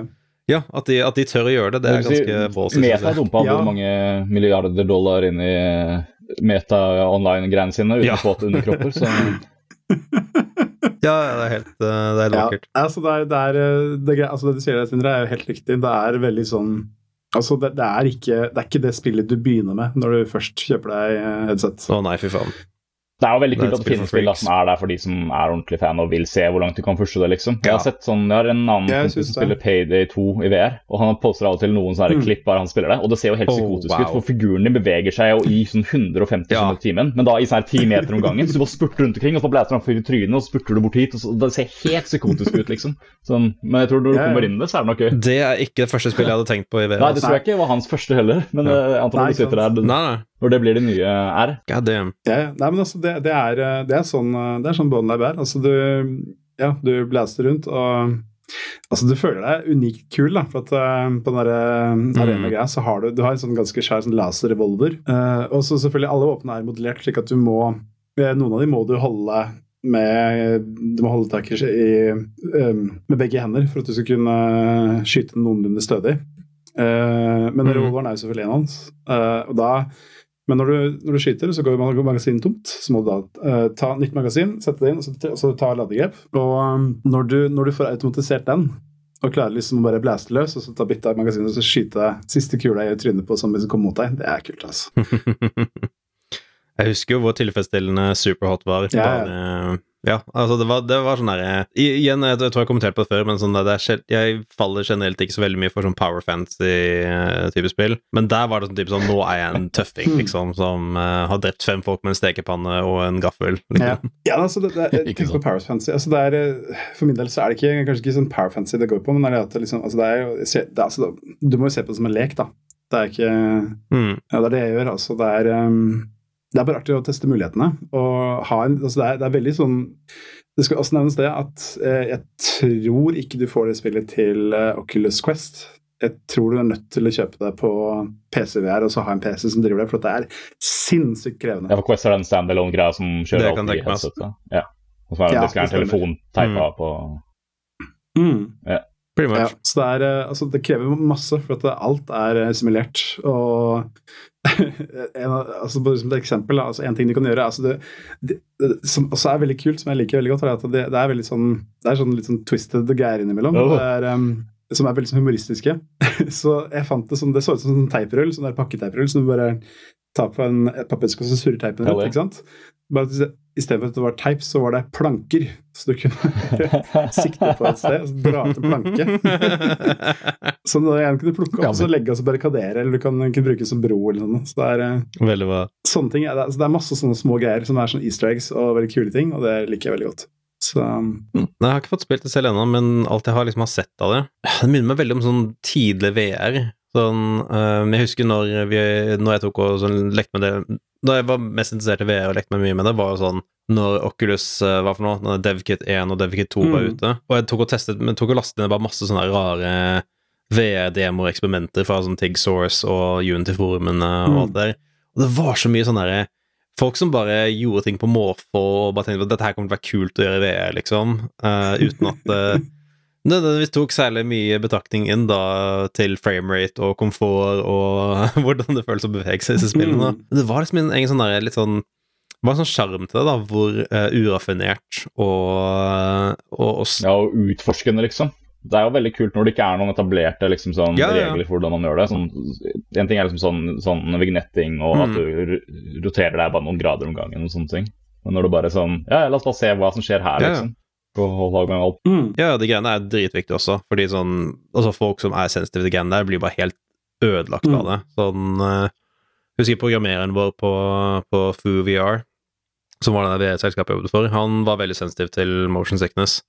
Uh, så da var det sånn type sånn der Nei, nå kan Han måtte basically han måtte sykemelde seg bare fordi han ble så uh, Ble så sim simulator sick, liksom. Bare type sånn Jeg kan ikke jobbe i dag, liksom. Jeg fucka opp og bare har herre på hodet mitt, liksom, så nå må jeg gå og legge meg og sove i tre Ja. timer. Ja, men altså, det, det er jo folk som ikke kan spille FPS-spill Ja, ja. engang, med, med Ja. bare på hva Så det er en god grunn til at de Ja, tingene er eksisterer, da. Det er viktig at de er det, men det er, sånn, det er fremdeles den der, veldig godt å se da, at det er noen som uh, jobber utenfor disse rammene, da, og ikke er redde for å bare fucke rundt i uh, på en måte et ukomfortabel space, da. Ja, nei, det, det er akkurat det. Altså, det er eh, Ja, det er det, det, er det jeg på en måte liker veldig godt med det. Altså, jeg spilte gjennom hele Boneworks. Det er, det er liksom et uh, fullengde Half-Life-aktig spill. Og altså, noe gøy er, er jo at det er ekstremt janky. Mhm. Men uh, det er også veldig kult. Masse masse kule ideer. Og det er liksom bare det gjør det verdt det, syns jeg. At det er eh, så mye forskjellig. Det, jeg liker det. Det er absolutt ikke for alle, men eh, det er stilig. Men jeg er glad for, glad for at folk fremdeles eksperimenterer Mm. med det, og ikke bare lager eh, 800 kopi av Beat Ja. Saber. Ja, eller alle disse, sånne, alle disse Triple A storbudsjetts VR-spillene som kommer ut støtt og stadig, liksom. Jeg er så lei av bare den mainstream Ja. ja, ja. Endeløs strøm. Nei, men apropos det, det er VR er jo Vi burde jo lengt til en episode om VR etter hvert òg, men da trenger vi vel kanskje at noen får spilt eh, absolutt. PSVR 2, egentlig. Det har jeg gjort, faktisk. Mm. Eh, Men kun i en time eller så. Jeg kan prøve å, Vi har en PSVR på jobben, så jeg skal prøve å kape den eh, et par kvelder, så jeg kan, kan komme tilbake med erfaring. Goodie. Ja, men du, bare si det, du må ha det til Mm. Ja, Ja, ja, Det er Doing research! Snakke om å informere folket. Nei, men det, det, er, det er litt sprøtt. Altså. Altså, VR er ikke billig i utgangspunktet, men PSVR 2 koster mer enn en PlayStation 5. Liksom. Ja, det er sprøtt. eh, Ja, altså jeg tror, ja, herregud. Ja. Jeg, jeg kan kanskje spare det til, til en egen episode, men jeg skjønner faen ikke hva Sony tenker. Som hvilket marked er det de har sett der? Folka som kjøpte PSVR 1 og tenkte at denne, fe- denne fella her, den går jeg gjerne i igjen, liksom. Jeg skjønner ikke hvem det er for. Nei, men ja, Ja, det inntrykket jeg har, at, at PSV2 er sykt mye bedre enn eh, PSVR 1. Ja, ja, og det er bedre enn det du har på PC òg. Ja, men det er basically on par med en Quest 2, liksom. Eller en Index. Altså, den gjør den der samme featurene, den har pass-through-greier, eh, god, eh, god sånn inside-out-tracking og eye-tracking, liksom. Det er det de har, og det er basically featurene som andre konkurrerende headsets har, da. Det store er vel, den, er vel skjermen, er det ikke det? At de har sånne um, What shall we call it? Er det OLED, det er OLED-skjermer, liksom? Ja. Så du får liksom de sorte nivåene du vil ha. Sånn. Mm. For det husker jeg jo fra PSVR Ja, ja. at sånn, når det var sort, så var det jo bare på en måte sånn grått, Ja. knitrete. ikke sant? yep. For du sitter inntil en skjerm. Um, Mm, ja. Jeg må ta inspisere bildekvarten litt bedre, men jeg, spilte som sagt kun bare kanskje 20 minutter av denne Horizon eh, Zero Dawn VR-modusen. Um, og det var, det var artig, det. Det er alltid gøy å skyte pil og bue i VR, men jeg er ute etter litt mer enn det, egentlig. Ja, jeg, jeg, det også, altså, sånn, ja, jeg merker jeg må faktisk eh, spare meg, hvis ikke så setter jeg i gang. Men sånn, ja, jeg veldig, synes det er veldig interessant at det var liksom den altså, Jeg har alltid syntes Horizon var et gørrkjedelig drittspill, men liksom sånn at det var den de bare bestemte seg for at dette er det som kommer til å selge maskiner, liksom. Som kommer til å selge Mhm. systemer. Men det, men det er jo, det er som jeg sa, Å, ja. eh, holdt på å si tidligere, at det er jo konsollgreia. Du betaler litt mindre, og så får du relativt bra liksom, gear, men du tar det igjen på at spillene koster mer, og at eh, utvalget er mindre, og så videre. Mm. Men fortsatt Men her har du også hardware som koster mer Nei, det koster ikke mer, bare Er det 7000 kroner? Jeg tror de legger seg på ja, altså, I Norge tror jeg det er spesielt dyrt. Jeg tror jeg har sett sånn 600 dollar, 600 euro sånn Ja. der, sånn cirka der, så er det sånn 6-8 eller noe Ja. tror jeg. Mm. Ja, fordi Valve Index er vel 1000 dollar, Ja, eller 1000 rundt euro, liksom. Mm. Så det er sånn, du, du skal ikke høyt opp for en betraktelig forbedring, egentlig. Men, det, men det jeg tenker er jo, som er spennende, Ja. er hvordan mod-støtten blir på PC. Jeg vet at PSVR1 fikk uh, Jeg husker ikke hva det het nå, men det, folk snekra liksom en egen suite som emulerte AMD, Mm. liksom, så du kunne bruke det på PC uten at de sa det selv. Og jeg vet at de samme folka jobber Nice. med liksom, uh, PSVR2 nå, så det blir jo spennende. Mm. Jeg tenker liksom, altså, Om de bare gjorde det litt enklere, sånn at du kunne bruke det som et sånn generic, sånn som en kontroll. da, ikke sant? Hvis du kobler til PlayStation-kontrollen på PC-en, så le- leser den som en Ja, ja. generic USB-controller. Men nei. Ja, Nei, men uh, dette ble plutselig VR-hjørnet. Fuck, eh, det virker som vi har bra materiale for en. VR-episode, altså. Det, la oss fyre av uh, Ja, det syns jeg vi skal få til en gang. Mm. Nei, men greit, er det. Da skal vi ta en liten pause. ja men det er flaut. La oss gjøre det. Vi tar en liten. Vi ses.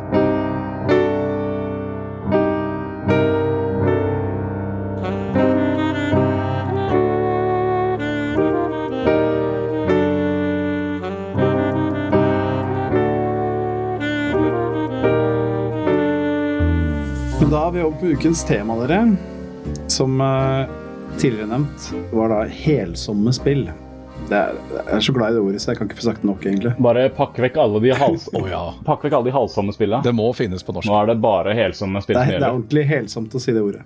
Ja, Mm. bare helsomt. Kun helsomme. Ja, du er jo norsklærer, Trygve. Dette har du Eh, ja, kontroll så på. klart. Nei, men uh, Wow. vi tenker No more halfsome half some measures. Det smøgge smilet, så jævla fornøyd. oh, Ja, humoren er på topp.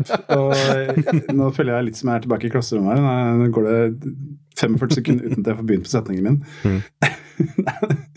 Skal være snill nå, jeg. Nei, men eh, Nei, men vi tenker litt sånn uh, rolig, koselig spill. Eksempel som ble nevnt eh, da temaet ble satt opp, er f.eks. Stardew Valley, Frog Detective og Katamari Damashi, f.eks. Som da er spill som ikke krever all verdens med svetting, men som eh, gir deg en god og varm følelse. Jeg føler det er den type spill du gjerne liksom etter en, etter, en lang, etter en lang dag, da, så har du ikke lyst til å komme hjem og spille Hvis du ikke er i humør for noe sånn superutfordrende skit, sånn som uh, ja, FromSoft-spill eller um, Eller Second Job, Destiny 2. Ja, Second Job, Destiny 2 og alt der. Du vil bare sånn her, vet du hva, nå vil jeg bare kollapse på sofaen og bare uh, ha hjernen på halv kapasitet mens jeg gjør et eller annet med hendene. Um, Ja, ikke sant? Yeah. Ja, det, det er basically fidgeting yeah. for hjernen. Ja. Ja, jeg vil påstå det kan være noe mer enn det, men Ja, ikke nødvendigvis helt, da, men mer sånn du Ja, det stiger ikke så mye kjepper i Mm. hjulene dine, da. Det er ikke sånn uh, ehm, Ja, du, du, det, skal være, det skal være en positiv, eh, god, varm følelse Ja. eh, gjennom hele I hodet mitt blir det liksom sånn, så tenker jeg ja, litt sånn Frog Detective og A Short Hike. Litt sånn, litt sånn lettbeinte Mm. uh, spill som liksom ikke krever så mye, verken sånn teknisk sånn gameplay-messig, men ikke sånn tidsmessig heller. Sånn som regel så varer det ikke sånn kjempelenge. Uh, og det er ja, lavterskel, Ja, liksom. det er også- Veldig high stakes. mm. Stemmer. Jeg kan ramse opp et par jeg har kost meg med veldig med opp gjennom åra. Det første som på en måte er veldig la oss opp til den vibuen som jeg kjøpte, var jo Katamari Damashi til PlayStation 2. Eh, Det kom jo, altså Ja. PlayStation 2-utgaven kom jo aldri ut i Europa. Eh, Så den er importert fra Canada. Eh, Jeg husker ikke hva den sier het, for en ting, men det var en sånn legendarisk importside fra i Canada. Hvor du kunne Ja, stemmer det. Video Game Plus. Ja, eller- Video Game Plus, ja. Stemmer det. Ja, ja, ja, ja. stemmer. Så det, Det var det å play Asia, liksom. ja, Gud, så jeg har en del spill med doble engelske og franske covere. Det har jeg. Ah. Oh, ta et dag av sigaretten. That's a name I haven't heard in a long time. Ja, virkelig. Ja, så mye DS-spill man bestilte. Altså. Nei, men sorry, go on. Ja, ja. Nei, men ja. Uh, nei, men Katamari Damacy, det er jo eh, Jeg vil jo påstå det er et legendarisk spill i seg sjøl. Du eh, Altså, man har vel kanskje hørt om det, men altså, du uh, Introen er jo i hvert fall noe for seg sjøl. Det er en sånn Mhm. veldig sånn jubel eh, Altså jubilant, som heter på engelsk, eh, låt. eh, som da, hvor man da synger den kjente teksten Anna, na, na, na, na, na, na, den Damashi. Yep. Det er alt du trenger. Om og om igjen. Det er alt man trenger. Og det er Nei, nei, nei. Don't worry, do your best. Ja, ja, selvfølgelig. Ja. Nei, så det, det er god Det er good, good times helt fra starten av det spillet. Plottet er det at eh, kongen av hele kosmos han har vært på fylla og ødelagt alle stjernene i himmelen. Og det, det, er ikke, det er ikke jeg som parafraserer, det er det som er plottet. Så Denne historien igjen, ja. Er det ikke noen originale tanker igjen i spillet Hollywood? Nei. Eh, Jeg tror det er verbatimt, det er plottoppsummeringen i begynnelsen, ja. Ja, men det, er, det er virkelig, det er ikke noe mer. Så selvfølgelig må da prinsen eh, av hele kosmos, som da er spilleren, må da eh, surre rundt eh, og lage nye stjerner. Det gjør det ved at du har en sånn klump, en katamari. En Klissete ball. Uh, det betyr Ja, altså, altså en klistreball. Det, er- altså, katamari betyr sånn uh, sjeleklump, eller sånn, hvis du oversetter Ja, ja. det til, til norsk. Jeg husker ikke akkurat hva det betyr, men det er liksom Ah, Alt antok at det var sånn tulleord, jeg. Ja, ja, men altså, det er tulleord de, de fant på, men Ah, det er liksom, okay. Hele språket er sånn, Sindre. Du skulle hørt, altså. Ja. Nei, så, så poenget er at du Alt som er mindre enn den klumpen, kan du rulle opp. Um, og så bare klasjer det seg på den klumpen.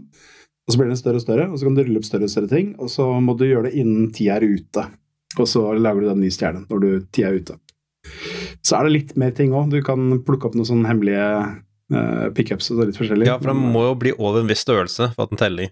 Ja. er sånn, nå må du lage en ball som er på 200 meter i diameter, type ting. Ja, men det, det starter med 7 cm eller sånn, Ja, ja. tror jeg. Det er eh, veldig lite. Og så segmenterer man banene litt sånn også, hvor den liksom for hver gang du når en sånn terskel, så vokser selve katamarien. Mm. Og så Ja. kan du trille opp større og større ting. Ja. Det er jo en sånn Det er en utrolig liksom sånn Fortsatt liksom 20 år etter det kom, så er det så gøy å spille og trille og liksom trille over en sånn lyktesåpe og se hvordan liksom katamaren din da ruller Ja, er annerledes og skrått fordi den har Ja, ja. én lang stikk, ting stikkende ut. Ja, ja. Liksom. Sånn, Og alle tingene du plukker Ja, på, sånne, sånn har en sånn her encyclopedia-entry, så du kan inspisere etterpå. mm. Og alt har sånne små sånne replikker skrevet om seg som er så jævla sjarmerende og morsomme. Sånn, Ja, ja. sånn type sånn der, sånn, sånn banan, eh, en banan så er det typen sånn her, You know what's next, og så finner du et bananskall, så typen sånn Oh no, don't step on this! Det var sånn der, sånn teite små hytter, liksom. yes. Nei, men det er eh, Katamari er en eh, klassiker. Eh, Virkelig. dessverre så stoppa de ikke å lage spill etter at de hadde lagd to, som var de som han eh, godeste Keita Takahashi, er ikke det han heter? Jo, det er um, Jo da, det er det. Det var de to han var involvert i, og så fortsatte de å lage ting. og det laveste punktet er vel Vita-spillet, som er stappfullt av mikrotransaksjoner, som er et helvete. Jesus. Ja, det var det det trengte. Nei, det ødela hele greia, så det anbefaler jeg ikke til noen. Jeg er nesten, nesten redd for å spørre, men hvordan ser det ut i et Katamari-spill? Er det liksom, er det bare flere baner? Jeg håper, er det, jeg håper det bare er flere baner. Er det, er det sånn bedre, bedre Katamari? Jeg vet at jeg, Det er lenge siden jeg spilte. Jeg kjøpte det på, for 30 kroner, og så spilte jeg det litt, så ble jeg, bare så jeg microtransactions i Katamari. Nei. Og så har jeg ikke spilt det siden. Mm. Så vi er der. Det kan nevne det at hvis man vil spille i dag, så er det jo en uh, remastera i gåseøyne utgave ute til alle plattformer, tror jeg. Og det, det, altså, ungene mine har spilt det. Jeg spilte PlayStation 2-versjonen igjen i fjor. og det er like bra i dag som det var da det kom ut. Jeg tipper det gjør seg ganske bra på Switch også, og jeg tror det er ute. Å ja. Det er på, du får det på Switch. Det er der eh, jeg kjøpte på Switch, tror jeg. Og det, eh, det kjører 30 FPS, da. Det er det eneste. Men eh, ellers er det akkurat det samme du husker. Men Jeg skal banne kjerka og si at akkurat liksom Katamari så Jeg vet ikke hvor mange sånn frame perfect eh, counters må du gjøre, liksom. Nei, det er akkurat det. det. Det er noe med det. Nei, men det er et veldig kosespill. Uh, når jeg er på Switch, så kan jeg også nevne Animal Crossing, selvfølgelig. Det var jo det store pandemispillet for mange. ja, faen som det traff i smøret. Altså, fy faen. Oh, yes. Ja, det var helt uh, utrolig. Det var nesten så de organiserte hele greia selv. Dere hørte det her først. Ja. Nei, du men- vet ikke hva planlagt, fordi Nintendo gjorde sin klassiske Nintendo-greie, hvor de bare dreit i fanget hele Mhm. tiden etterpå og bare kasta bort all godvilja og dreit seg ut med DLC, og det er ingen som spiller det lenger. Så Så da er det du, du var liksom klassisk sånn Nintendo. Mhm. Nintendo. Ja, ja. Ja, men Det er snilt av dem egentlig å få folk av den avhengigheten, da, egentlig. Så de kan gå, gå videre til noe annet.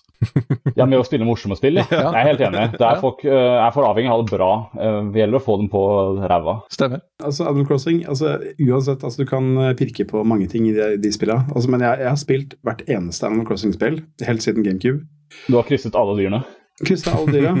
Eh, jeg har til og med eh, spilt den uh, Nintendo 64-beta-versjonen. Um, Yes. Det er bare sånn bare, gikk det ikke det så langt tilbake? Oh yes, altså GameCube-versjonen er Nintendo 64-versjonen, Ah. bare litt utvida. Yes, det visste jeg Så det er derfor det ser litt sånn sketchy ut av og til.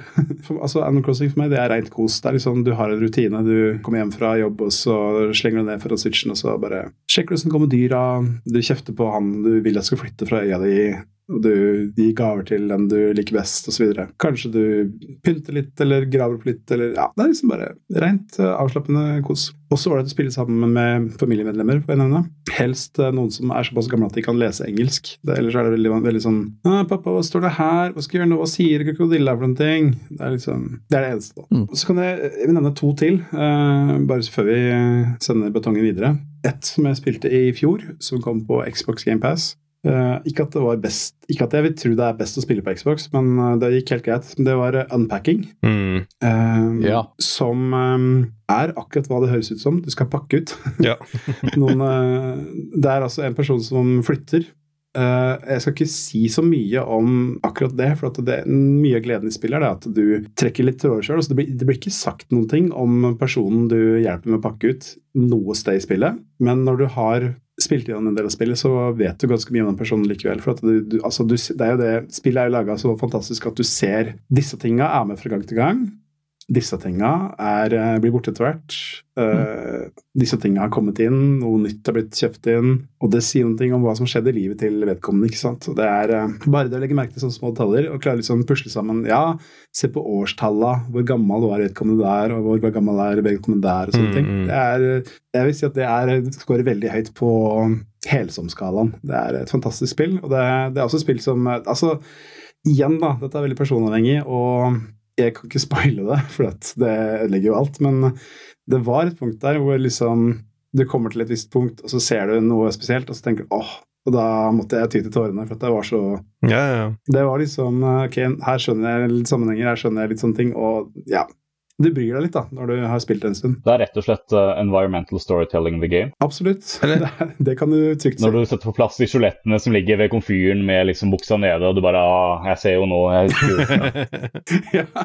Det var jo folk som eh, omtalte Det var jo folk som omtalte uh, godeste uh, Dark Souls-serien som eh, forensic storytelling, hvor du måtte liksom grave i detaljene og finne ut litt av det er. da. Og det, er, er jo på en måte litt uh, unpacking også. Sånn type sånn du, du Ja, du eh, du blar gjennom eh, eiendelene til en person og prøver å finne ut hva det sier om dem. da. Mm. Men det, er- altså, det er ikke det at det er vanskelig tilgjengelig. Er Altså, du, så lenge du gidder å engasjere deg litt, så får du det med deg. Mm, mm. Så er det jo tilfredsstillende å sette ting på plass i hyllene og liksom Jeg syns det så Mm. veldig så veldig streit ut også. For det, har en, det er, det er pixel art, liksom. Det har jo en sånn den Mm. stilen selv, men ganske relativt høyoppløselig. Så det ser jo ikke liksom Ja, ja. Det ser bra ut, liksom. Det funker veldig bra. Det er, eh, det er bra håndarbeid, liksom. Det er kjempesolid. Det er null, eh, null glitches, null stress i det hele tatt mens du spilte det spillet. Og så vil jeg trekke fram to tekniske ting ved spillet. Det ene er det at um, den som var lyddesigner på spillet, trekker fram det at altså, Lydeffekten i spillet er at du, plass, at du plukker opp ting, og så plasserer du dem på en overflate. Og lyddesigneren påpekte at ja, nei, det er sånn Jeg husker ikke hvor mange hundre lydeffekter det er i det spillet, men de har spilt inn Foley. Jeg tror det er mange tusen Ja, sånn unike lydeffekter. Ja, for du spilte i Foley for at ja, du plukker opp et tannglass og setter det på en, en flisebenk. Mhm. Eller du tar, plukker opp et tannglass og setter det på et trebord, osv., osv. For alle tinga. Det er sånn Ja. Og det er mange forskjellige. Det er ikke, det er ikke den samme lyden engang. Så det er, eh, det er ganske sinnssykt. Det er virkelig helt sprøtt hvor detaljert de gikk inn med det. altså. Ja, ja, men, men det syns jeg hjelper også, for at det føles så taktilt. da. Mhm. At det virkelig faktisk setter ned ting. Eh, den andre tekniske tingen er det at eh, Du sa det, Nicolas, at det er pikselert, det er 2D. Uh, nei, det er ikke det. Det er 3D. Wha- wha- wha- wha- What? Ja, altså, det er Record er det scratch. i 3D-layers. Men eh, jeg så Ja. Eh, de viste fram det at eh, de fant ut at det var lettere i Unity å bare Når de skulle debugge og liksom finne ut av var det noen ting som klippa av feil, og var det noen som lå i feil layer og sånne ting, så var det mye lettere å bare lage hele spillet i 3D. Så da, Hører du, Terje? Hører du? Jeg, jeg ser den faktisk. Tre dimensjoner. Hva? Get with the times. Det er det som gjelder. Ja, det er, for, mm. det er, det er minst én for mye. Egentlig to. Du har plass, du har plass til to, to dimensjoner i det, ikke sant? Så, Ja, sant nok. ja, ja. en, som- en som tenker på, hva, hva, skal, hva faen skal man gjøre med den ekstra dimensjonen? liksom? Den bare ligger der og stenger. Mm.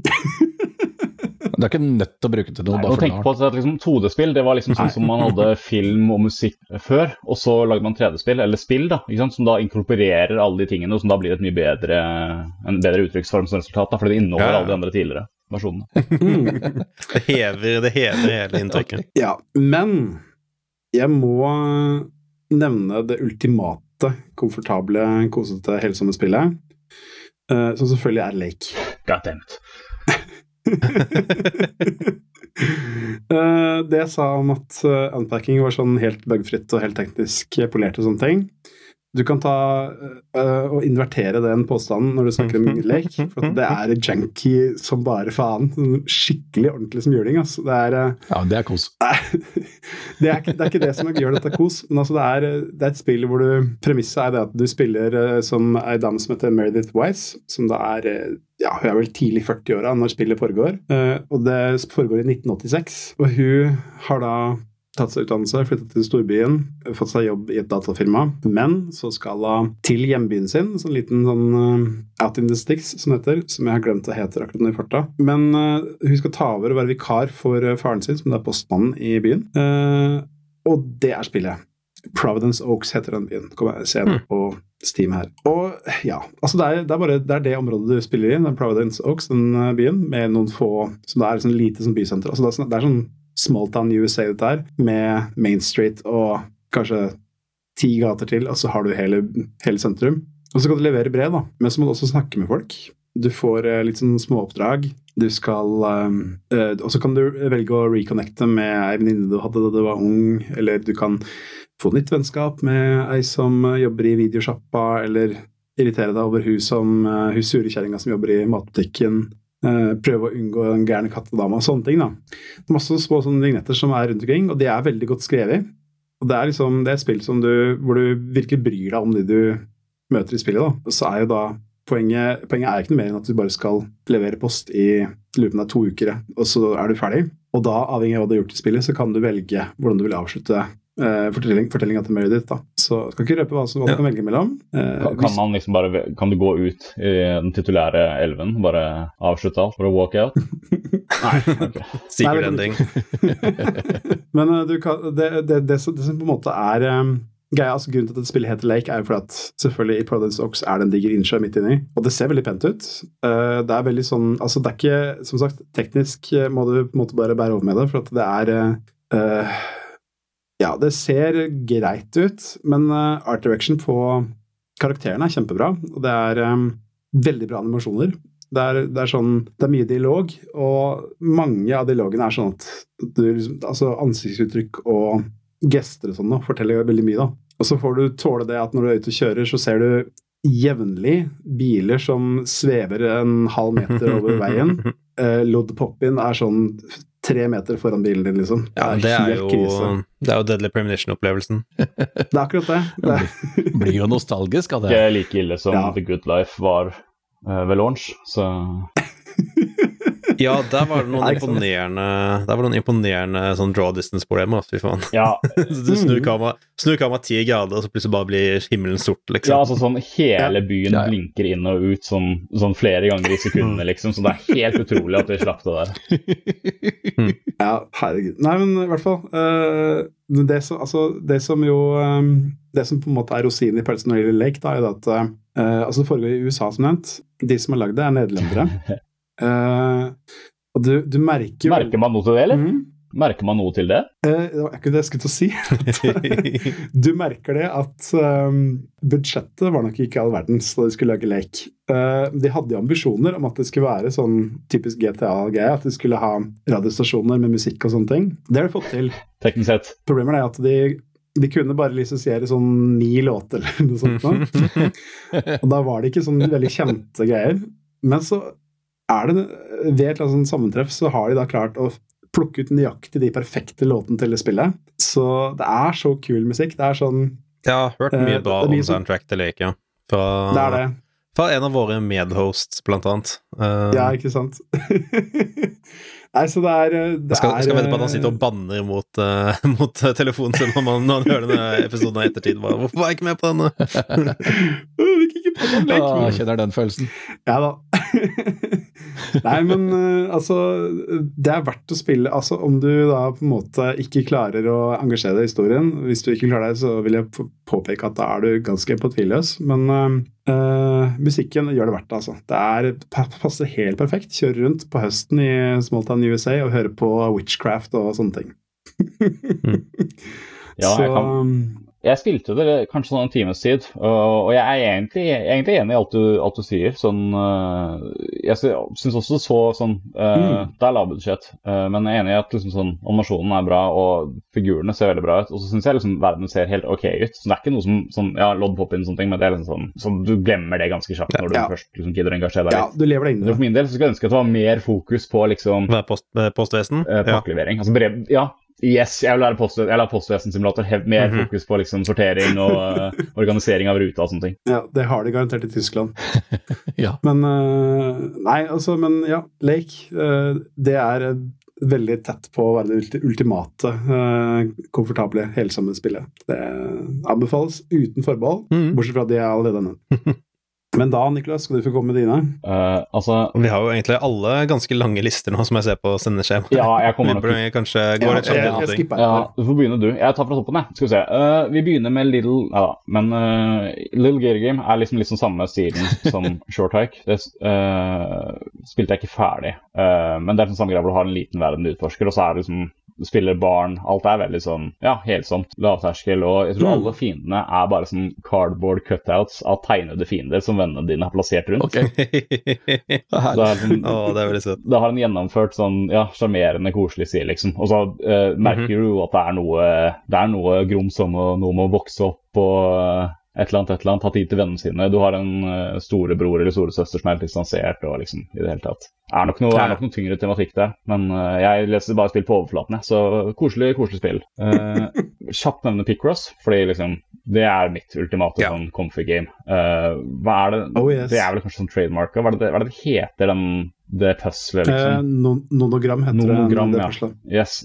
Så Mm. Picross er da Nintendos uh, Ninten altså Det er ikke de som lager det, men de utgir det i hvert fall. Eier Mm. som er second party eller whatever, men de utgir liksom en serie på, på maskinene sine. Har gjort det siden Super Nintendo, tror jeg. Yeah. Yeah. Og de er bare super comfy. Det er liksom sånn Aldri en overraskelse. Det er liksom sånn det er den ene oppfølgeren jeg er glad for å kjøpe og gjenkjenne menyen som helt identisk. Fordi du kjøper jo bare liksom, det koster en hundrings på tilbud, og så får du liksom 500 flere brett, liksom. Og så er det bare sitte og pusle. Bare kos. Ja, men det er liksom sånn Ja, det er som, Det er som et del puslespill, liksom. Du vet, hva, du vet hva du får, men det er alltid Ikke fornøyelig. Og så er det, er det en good one. liksom Det funker, og det er laget liksom 100 stykker, så de vet på en måte litt hva de, Mm. hva de gjør. Oh, yes. Men det, uh, Ja, go on. en ting jeg er nysgjerrig på som jeg så du har på listen, er den der A Little to the Left. Den tror jeg har hørt litt prat om. Den er Så det, Fortell meg om den. ja, så det spilte jeg selv, det så jeg samboeren min spille. eh, Men det var etter en packing. For det er litt sånn samme greia, hvor det handler om å, om å sortere ting. da. Du får liksom masse sånn Ja. små scenarioer med typ sånn en bokhylle med masse bøker, og så skal du sortere dem bare. Sånn, sette ting i system.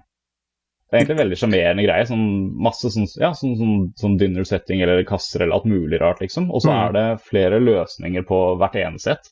Så du kan sortere typ etter liksom sånn ja, hvor stor boka er, men også farger, men også alfabetisk. Da, ikke sant? Så har du forskjellige jeg vet ikke om jeg slutter, men det er, ja, det er flere løsninger på hver av de da. Men er det lagt opp til at man skal sånn- samarbeide, liksom? At eh, det er noe man skal spille Det er sånn slags lokalhåp, helt- eller er det bare vel egnet? Nei, Eller? nei, nei, nei altså sånn helt ærlig, det er egnet bare for å sitte og loke med. Det er veldig sånn, Mm. sånn, sånn uh, ja, comfy, avslappende greier. Liksom. Jeg tror ikke det er noen timer eller noe sånn high score eller noe sånt. Man alltid gjør er bare å sortere ting Mm. sånn at du syns du ser estetisk ut, og hvis du faller innenfor Ja, ja. de forhåndsdefinerte kategoriene, så er du, er du good. Digg. Det liker jeg. Det er faktisk Mm. veldig veldig comfy. Uh, hvis Mhm. liksom den, den, spesifikt den delen av liksom unpacking hvor du liksom sorterte ting, var det som frista, så, Mhm. så anbefaler jeg det løft. Vi bare skyter sånn der- der. Mm. Eh, Skyt inn kjapt. Uh, Wilmots Warehouse. Ja, du, jeg skrev det akkurat opp selv, jeg, her, og hadde tenkt på en Mm, på ja, det. ja, for det er eh, Men det er sånn, det bryter kanskje litt den der comfy-greia. Ja, for det, det blir litt hardt etter hvert. Det blir det. Vi kan gå kjapt om det. er faktisk et veldig veldig koselig spill. Uh, det er liksom, Du har fugleperspektiv på Altså- et sort-hvitt Altså, lager. presentasjonen er jo kjempesøt. Mm. Ja. Så styrer du liksom en veldig minimalistisk liten kis som bare er en firkant med et smilefjes. Og så skal du bare dra eh, pakker Du skal levere ut pakker da fra lageret, lageret ditt. Eh, og du har liksom sånne kasser øverst på skjermen hvor forskjellige kunder ber om forskjellige kombinasjoner av items. Og så må du bare hente de fra liksom lageret ditt, som er ett stort rom, hvor du selv liksom har sortert alle klossene. Og alle klossene er bare sånn Alle er like store, og så har de forskjellige symboler på seg. Mm. Og så er de veldig flinke til å ha typ sånn 200 forskjellige symboler, hvor du kommer til å møte sånn maks 100 i løpet av spillet. Ja. Men alle er sånn Veldig mange ligner på hverandre. da. Enten samme sånn tema, Mhm. eller samme farger, eller ikke sant, er samme sånn Men også veldig mye som går sånn i gråsoner. Så du får litt sånn herre ja, Her er alt sånn teltstæsj. Her er kompassene, her er kartene. Og så får du liksom noe som er liksom sånn fast sånn halvveis mellom da, og så plutselig blir det bare kaos. Ja, ja, ja. Så Ja, så er det litt sånne ting som at sånn type sånn du, Måten du kategoriserer ting på, er sånn type sånn ah, nå skal jeg kategorisere etter farge, men det blir fort veldig komplisert. Mm, mm. Fordi For eksempel da, du kan få en, et ikon som er en ufo på en blå bakgrunn, men så, du får, så får du plutselig en eh, en tekopp på en eh, blå bakgrunn, og de ligner veldig. Så det er type sånn, jeg kan ikke sortere de sammen. Så ok, hva om jeg lager en power hvor alle ting som flyr, da? ikke sant? Da putter jeg fugler og ufoer og, og sånne ting ved siden av hverandre der. Mm. Og så er det et eller annet som roter med systemet ditt når det kommer inn, så da er du nødt til å liksom omsortere Mm, etterpå. og det, er, det var, Ja. er jo kjernen i hele greia. Ikke sant? Er jo, og du, du skjønner jo Det er så gøy å spille et spill hvor liksom sånn, utviklerne vet liksom sånn helt 100% hva spilleren tenker. For det er jo hele greia, er å ha disse Ja. systemene, og så Mm. fucker de med systemene ved å gi deg liksom sånn Mhm. ja, Enten ting som er veldig sånn i grenseland på hvilken kategori du hører til, eller at plutselig sånn Ok, her er Ja. bra system. Ok, fett. Her er 50 av den ene. Kos deg. og så har du unlocks underveis som er typ sånn Du kan unlocke en liten robot som hjelper deg med å Mhm. sortere litt. Du kan kjøpe mer plass i lageret ditt, sånn, sånne ting. Og hele greia er over på sikkert sånn fire-fem timer. Men det er liksom en sånn veldig koselig ja. liten ryddeopplevelse. Ja, Sånn Mm. eh, Amazon-lagermedarbeiderspillet? Ja, ja, ja. Oh yes. Ja. Litt koseligere, sannsynligvis. ja, det håper jeg virkelig. Ja, Den ene oppgraderingen er selvfølgelig pisseflaske. Men jeg tror det er det jeg har, jeg. Ja, på en måte litt i samme På en måte litt i samme sjangeren der, da. Så vil jeg ta skyte inn med uh, et spill som egentlig er liksom sånn Det, det misser litt på den der at det er veldig sånn avslappet og enkelt. Um, jeg har spilt, spilt litt uh, Dicey Dungeons. Ja! Um, som er basically ah, Hvordan skal jeg beskrive det? Det er jo egentlig nesten litt sånn som Slay the Spire. Det er en sånn derre en card battler-type ting, men hvor alt er liksom basert rundt uh, terninger, da. Mm. Uh, og det er, det er en rogelike-aktig type spill, dette, da, men altså, det som på en måte virkelig får spill til å funke, er bare at presentasjonen er så er så sjarmerende, og altså, illustrasjonene er sånn supervarme, runde former, pene farger. uh, egentlig minner nesten litt om sånn derre minner nesten litt om sånn det man kaller corporate art, da, hvor du vet hvor liksom alt er sånne runde sånn nudelarmer og flate farger eh, og litt grann tekstur og alt der, da. Bortsett fra at nå er det, her er det faktisk ganske sånn godt gjennomført da, og skjebnegjort. Knallgod musikk, eh, og så er faktisk spillet skikkelig sånn engasjerende og har en del dybde til seg. da. Mm. Eh, hvor alt er sånn type sånn Og alt er sånn terningsbasert, da, selvfølgelig. Så alt handler liksom om at du må plukke opp uh, For eksempel, da, du, du går gjennom dungeon, og så får du en eh, Får du en dagger som du kan rulle en terning, men den går kun opp til to på terningsrullet. men du kan rulle den tre ganger før, uh, før runden er over. Mm.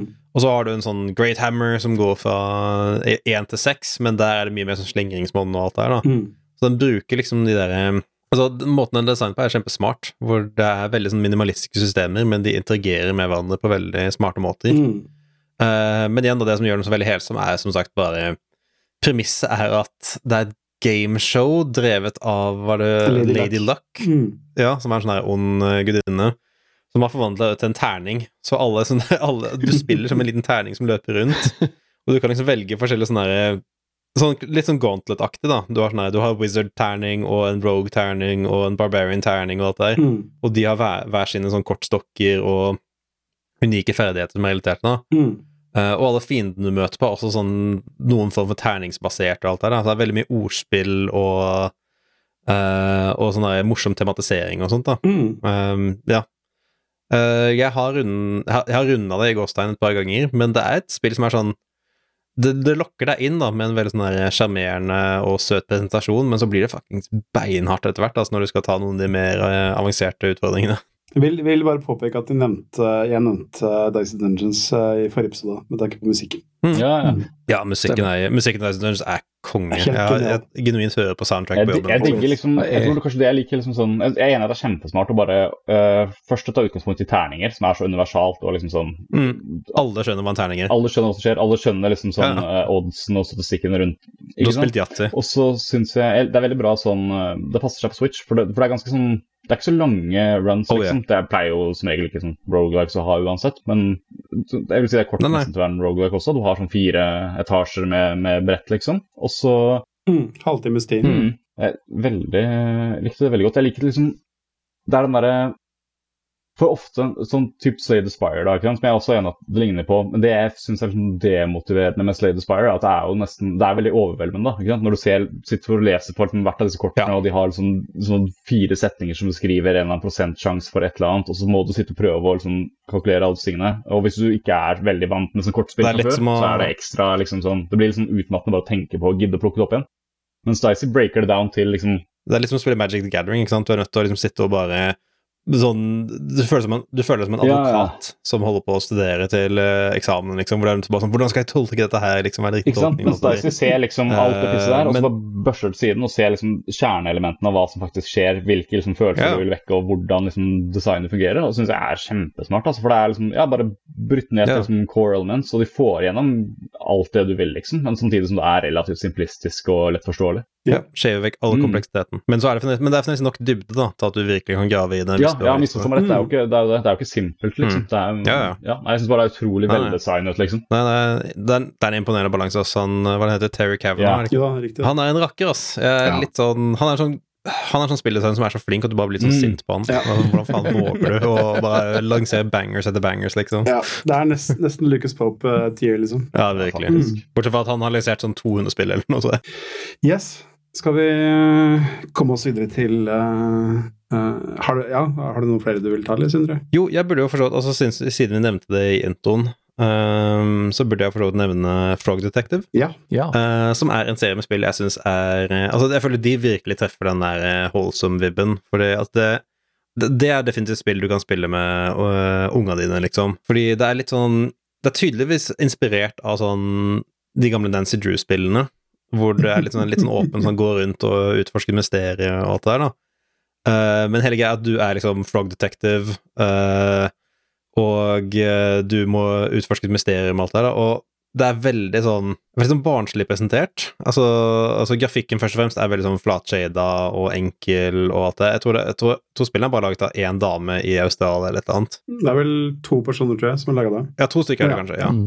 Men de er veldig sånn um, Ja, veldig enkel, veldig enkel artstyle, uh, veldig sjarmerende og alt det der. Og så bruker de, bruker de på en måte ressursene dine så veldig smart, da. At uh, sånn Hei, vi har ikke liksom råd til voice acting og masse dyre animasjoner og alt det der, da. Så du merker veldig at det, er type sånn, det her er sånn Sa du, Det sa du dyreanimasjoner eller dyreanimasjoner? dyreanimasjoner. Men ja, de, er, de, har ikke, de har ikke tilgang til et mocap-studio eller en frosk å putte sånne pingpongballer på. Så. Det er for dårlig. Drakt. Dårlig Ja. Eh, men ja, det, det handler ikke bare om sånn du vandrer rundt og Uh, skal liksom utforske et mysterium, og stakesen er liksom alltid typ sånn Å, nå er det en bursdagsfest hvor noen stjal kaken min. Hvem er det som har gjort det? Liksom, det er veldig sånn supersimpel som barne-TV-type greier, da. Men det er liksom noe med måten det er skrevet på som er veldig sånn clever. Uh, sånn, sånn kløppelig, eh, sånn skarp skriving. Sånn, det det gjør ikke den greia vår type sånn derre å, dette her er en eh, barnefi eh, barnefilm eller barnespill, men vi har et par grove sider for foreldrene og alt der. nice. Det er mer det at, type sånn der, det er, det er mer det at liksom sånn, det, er, det er en tone da, som er veldig sånn der, eh, skarp og morsom, og den har en del vitser da, som bare er, som, som lander bra da, uansett eh, hvilken aldersgruppe. Eh, og mye av det kommer rett og slett bare ned til at artstylen er så simpel, og de forstår seg rett og slett bare på komedisk timing da, sånn mye som bra kamerakutt og visual gags og, og sånne ting da, hvor de lener seg veldig inn at, hei, vi er to persons studio med ikke noe budsjett. så Nei, men de er, de er veldig sjarmerende, og det er sånn derre ja, morsom sånn derre Det er nesten sånn nesten litt sånn van- vandresimulatorterritorium, egentlig. For det er liksom, det er ikke noe stakes, det er ikke noe fail state eller noe. Du bare vandrer rundt til Vandrer rundt og utforsker en pent laget verden til du finner liksom clues, og så kan du prate med folk og unlocke dialog options, og så beveger du, beveger du historien fremover. Sånn genuint sånn Jeg, jeg, jeg respekterer spillene veldig godt, for de er så altså, De er så simple, da, at, eh, at må, måten de på en måte klarer å koke Bare klarer å vite nøyaktig hva det er de har å jobbe med, og klare å koke ned til de enkleste elementene og jobbe med det, det syns jeg er sånn kjempeimponerende sånn bruk av ressurser, da. Mm. Mm. Men ja, Og så vil jeg jo si også bare det kjapt at liksom, det å bare lage et spill som faktisk er morsomt, selv i bare den minste grad, Mhm. er eh, altså helt tydelig mye, mye vanskeligere enn det ser ut som. For du kan jo virkelig telle morsomme TV-spill på typ sånn ja, Ja, ja. maks to hender. Mm. det er fy søren. Nei, det er, det er dritvanskelig. sånn, så, mye, så mye komedie er jo basert på timing. Og, eh, og, jo, og så mye av videospill er jo basert på spillekontroll. Så du vil liksom ikke ta vekk Du vil ikke røske eh, det kameraet ut av hendene til spilleren for å liksom fortelle en vits, liksom. Det er ikke altså, da, kan du bare, altså, da kan du liksom bare greit se på en sånn Family Guy-sketsj, liksom. Mhm. Ja, ikke sant? Den gagen funker sånn én eller to ganger, men du kan på en måte ikke bygge hele humoren din rundt det. Nei, ikke sant? Ja, det var, det var en greie i den uh, Psychonauts-dokumentaren. At det er bare Ja, det er så sjukt mye jobb å bare lage én gag, og vi kan ikke bruke den på nytt. Mhm. ikke sant? Så Nei, ikke sant? er, ja, det er også det. Du kan ikke repetere selv. Mm. Men, men apropos det, jeg har lyst til å høre litt sånn um, Jeg fikk aldri spilt det spillet her selv, men uh, Bugsnacks føler jeg på en måte falt litt i den derre På en måte samme, samme spacen, uh, hvor Jeg leste i hvert fall det som et sånn litt morsomt spill, men som hadde litt sånn derre Altså, i motsetning til Frog- Detector da, så hadde det kanskje litt mørkere undertoner uh, fra det jeg plukket opp. Men det var også ment å være et litt morsomt spill. Eller sånn komediespill, liksom. Jeg vil, jeg, vil, jeg vil kanskje heller si at det er litt mer sånn whimsical, som heter det på engelsk. da. Ja, Whimsy, ja. Det, er- Mm. den er en. Det er ikke, jeg jeg syns ikke det var sånn superhumoristisk, men altså det, er liksom, det er jo koselig. Helt til det ikke er koselig lenger. Ja. um, Ja, altså sånn Jeg, jeg, jeg spilte gjennom det og, og liksom syntes jo det var greit, men som uh, Altså, som, som med Lake så, så etterlyste jeg liksom sånn litt mer systemer å interagere med. Du fikk liksom på forhånd i hvert fall litt følelsen av at liksom måten uh, Du hadde liksom bugs, og så var det snacks også, ikke sant? At du kunne spise snacken Nei, men altså, det det var noe mer til det. Og du driver jo og gjeter liksom litt rundt, og så må du finne sånn Sånn, ah, denne bugsnacken spiser bare denne typen, da må du lukke den ut av hula med denne itemen. Og så blir det liksom sånn rudimentary, relativt simpel sånn puzzling med liksom sånn én løsning. Mm. Ja. Men jeg følte at det la opp til veldig mye sånn body horror-greier etter hvert. med tanke på At man transformerte seg inn i hotdogs og sukkerspinn og burrito og alt det. Yes. Altså, sånn, det er skikkelig vanskelig å si dette uten å gjøre seg som en pikk, men sånn, Ja. jeg tror hvis de var litt flinkere, så hadde Altså sånn, sånn det prøver, Ja, ikke sant, sånn, du, får, du, du prøvde på mye av det der. Jeg syns ikke egentlig det fikk det så veldig mye. Sånn, Ja. Jeg syns det var definitivt uh, mer enn The sum some of its parts, holdt jeg på å si. Sånn, Mhm. det, jeg, spilte, jeg gadd å spille gjennom, og det er sjelden jeg gidder selv med bra spill. Ehm, så sånn sett så hadde jeg, jeg hata det ikke i det hele tatt, Mm. liksom. Jeg syns mye funka, men jeg skulle gjerne sett liksom litt mer utforsking av liksom, det faktiske systemet og Ja, ja. utover å gå rundt og trykke på ting. Veldig enig. Men uh, det jeg vil si med Bugsnacks, er at uh, hvis du skal snakke om ting som er koselige og uh, veldig stas og trivelige som nå Altså, uh, tittellåta til Bugsnacks den er så koselig får, at du får tårer i øynene. Altså. Det er helt sinnssykt uh, trivelig. Det er jo, altså, det er jo, det er jo Bonito. Mm. De leverer jo bare bangers. Ikke sant? Men også bare den Ja, generelle, generelle soundtrack til Bugsnack også. Det var ikke av dem, var det det? Nei, jeg tror det var de som til tittellåta, men ikke mer. Jeg, husker, jeg har i hvert fall overhørt det mens, mens jeg husker, husker jeg hørte du spille det.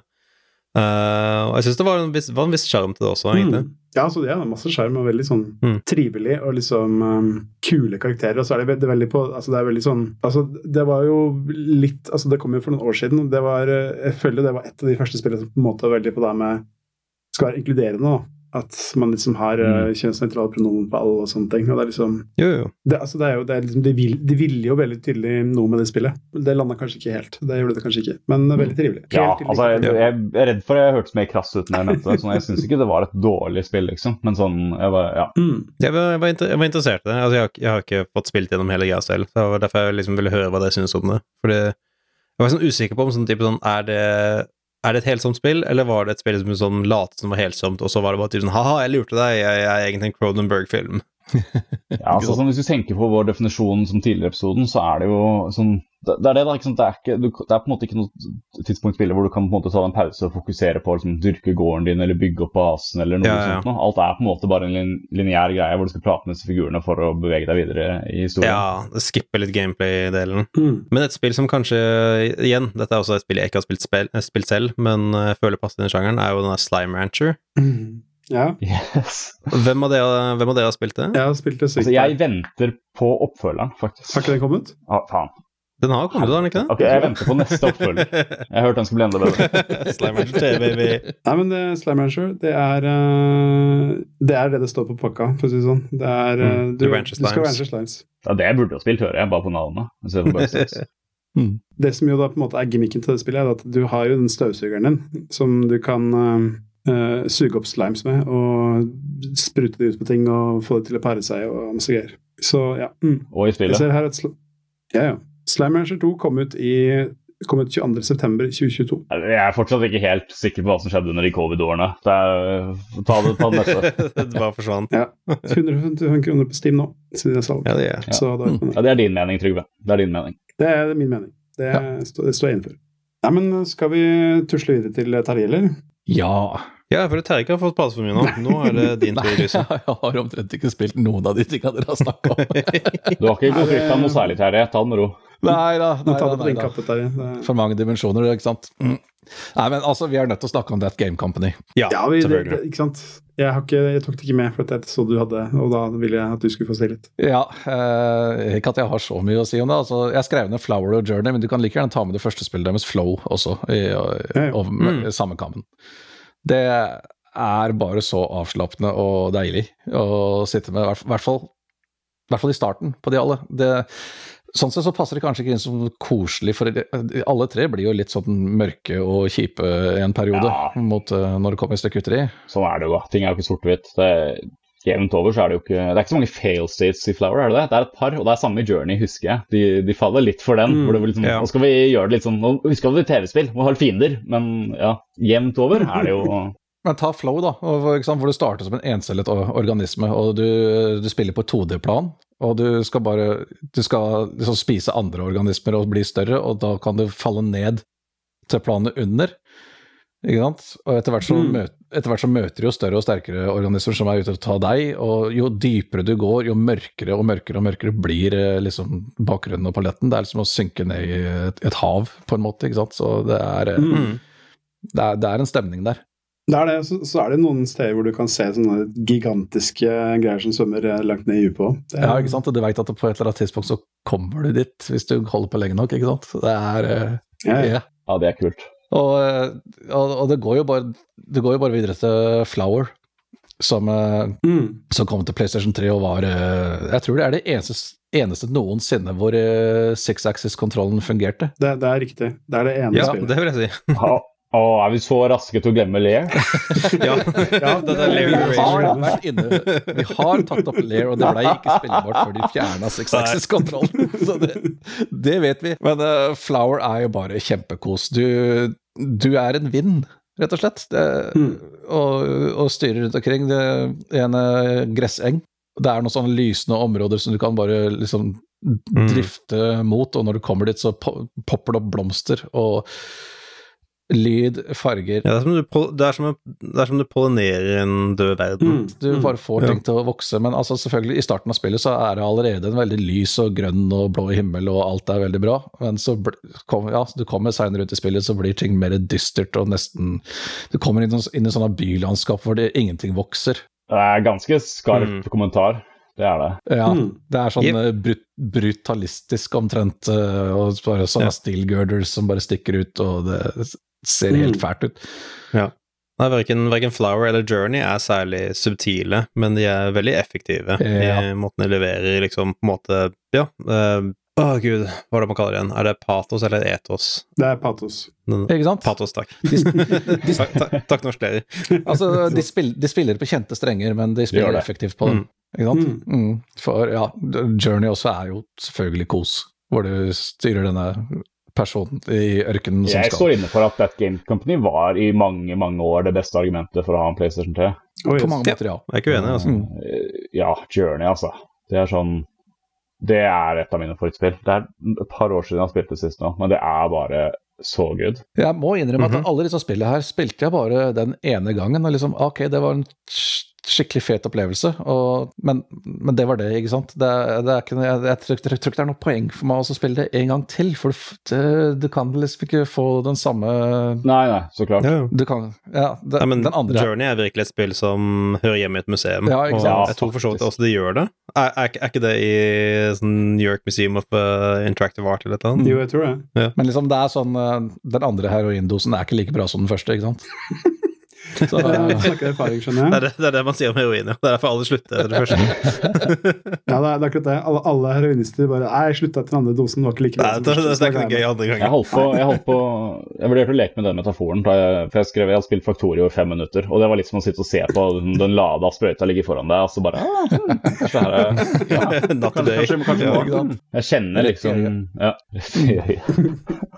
Men altså eh, bare, Alle må bare ta den reisen. Altså Alle har hørt om Journey, ikke sant? Mm. men gå helt tilbake og start med flow. Og, Ja. og liksom, for det, det er faktisk en, eh, en, en, eh, ganske tydelig linje, egentlig.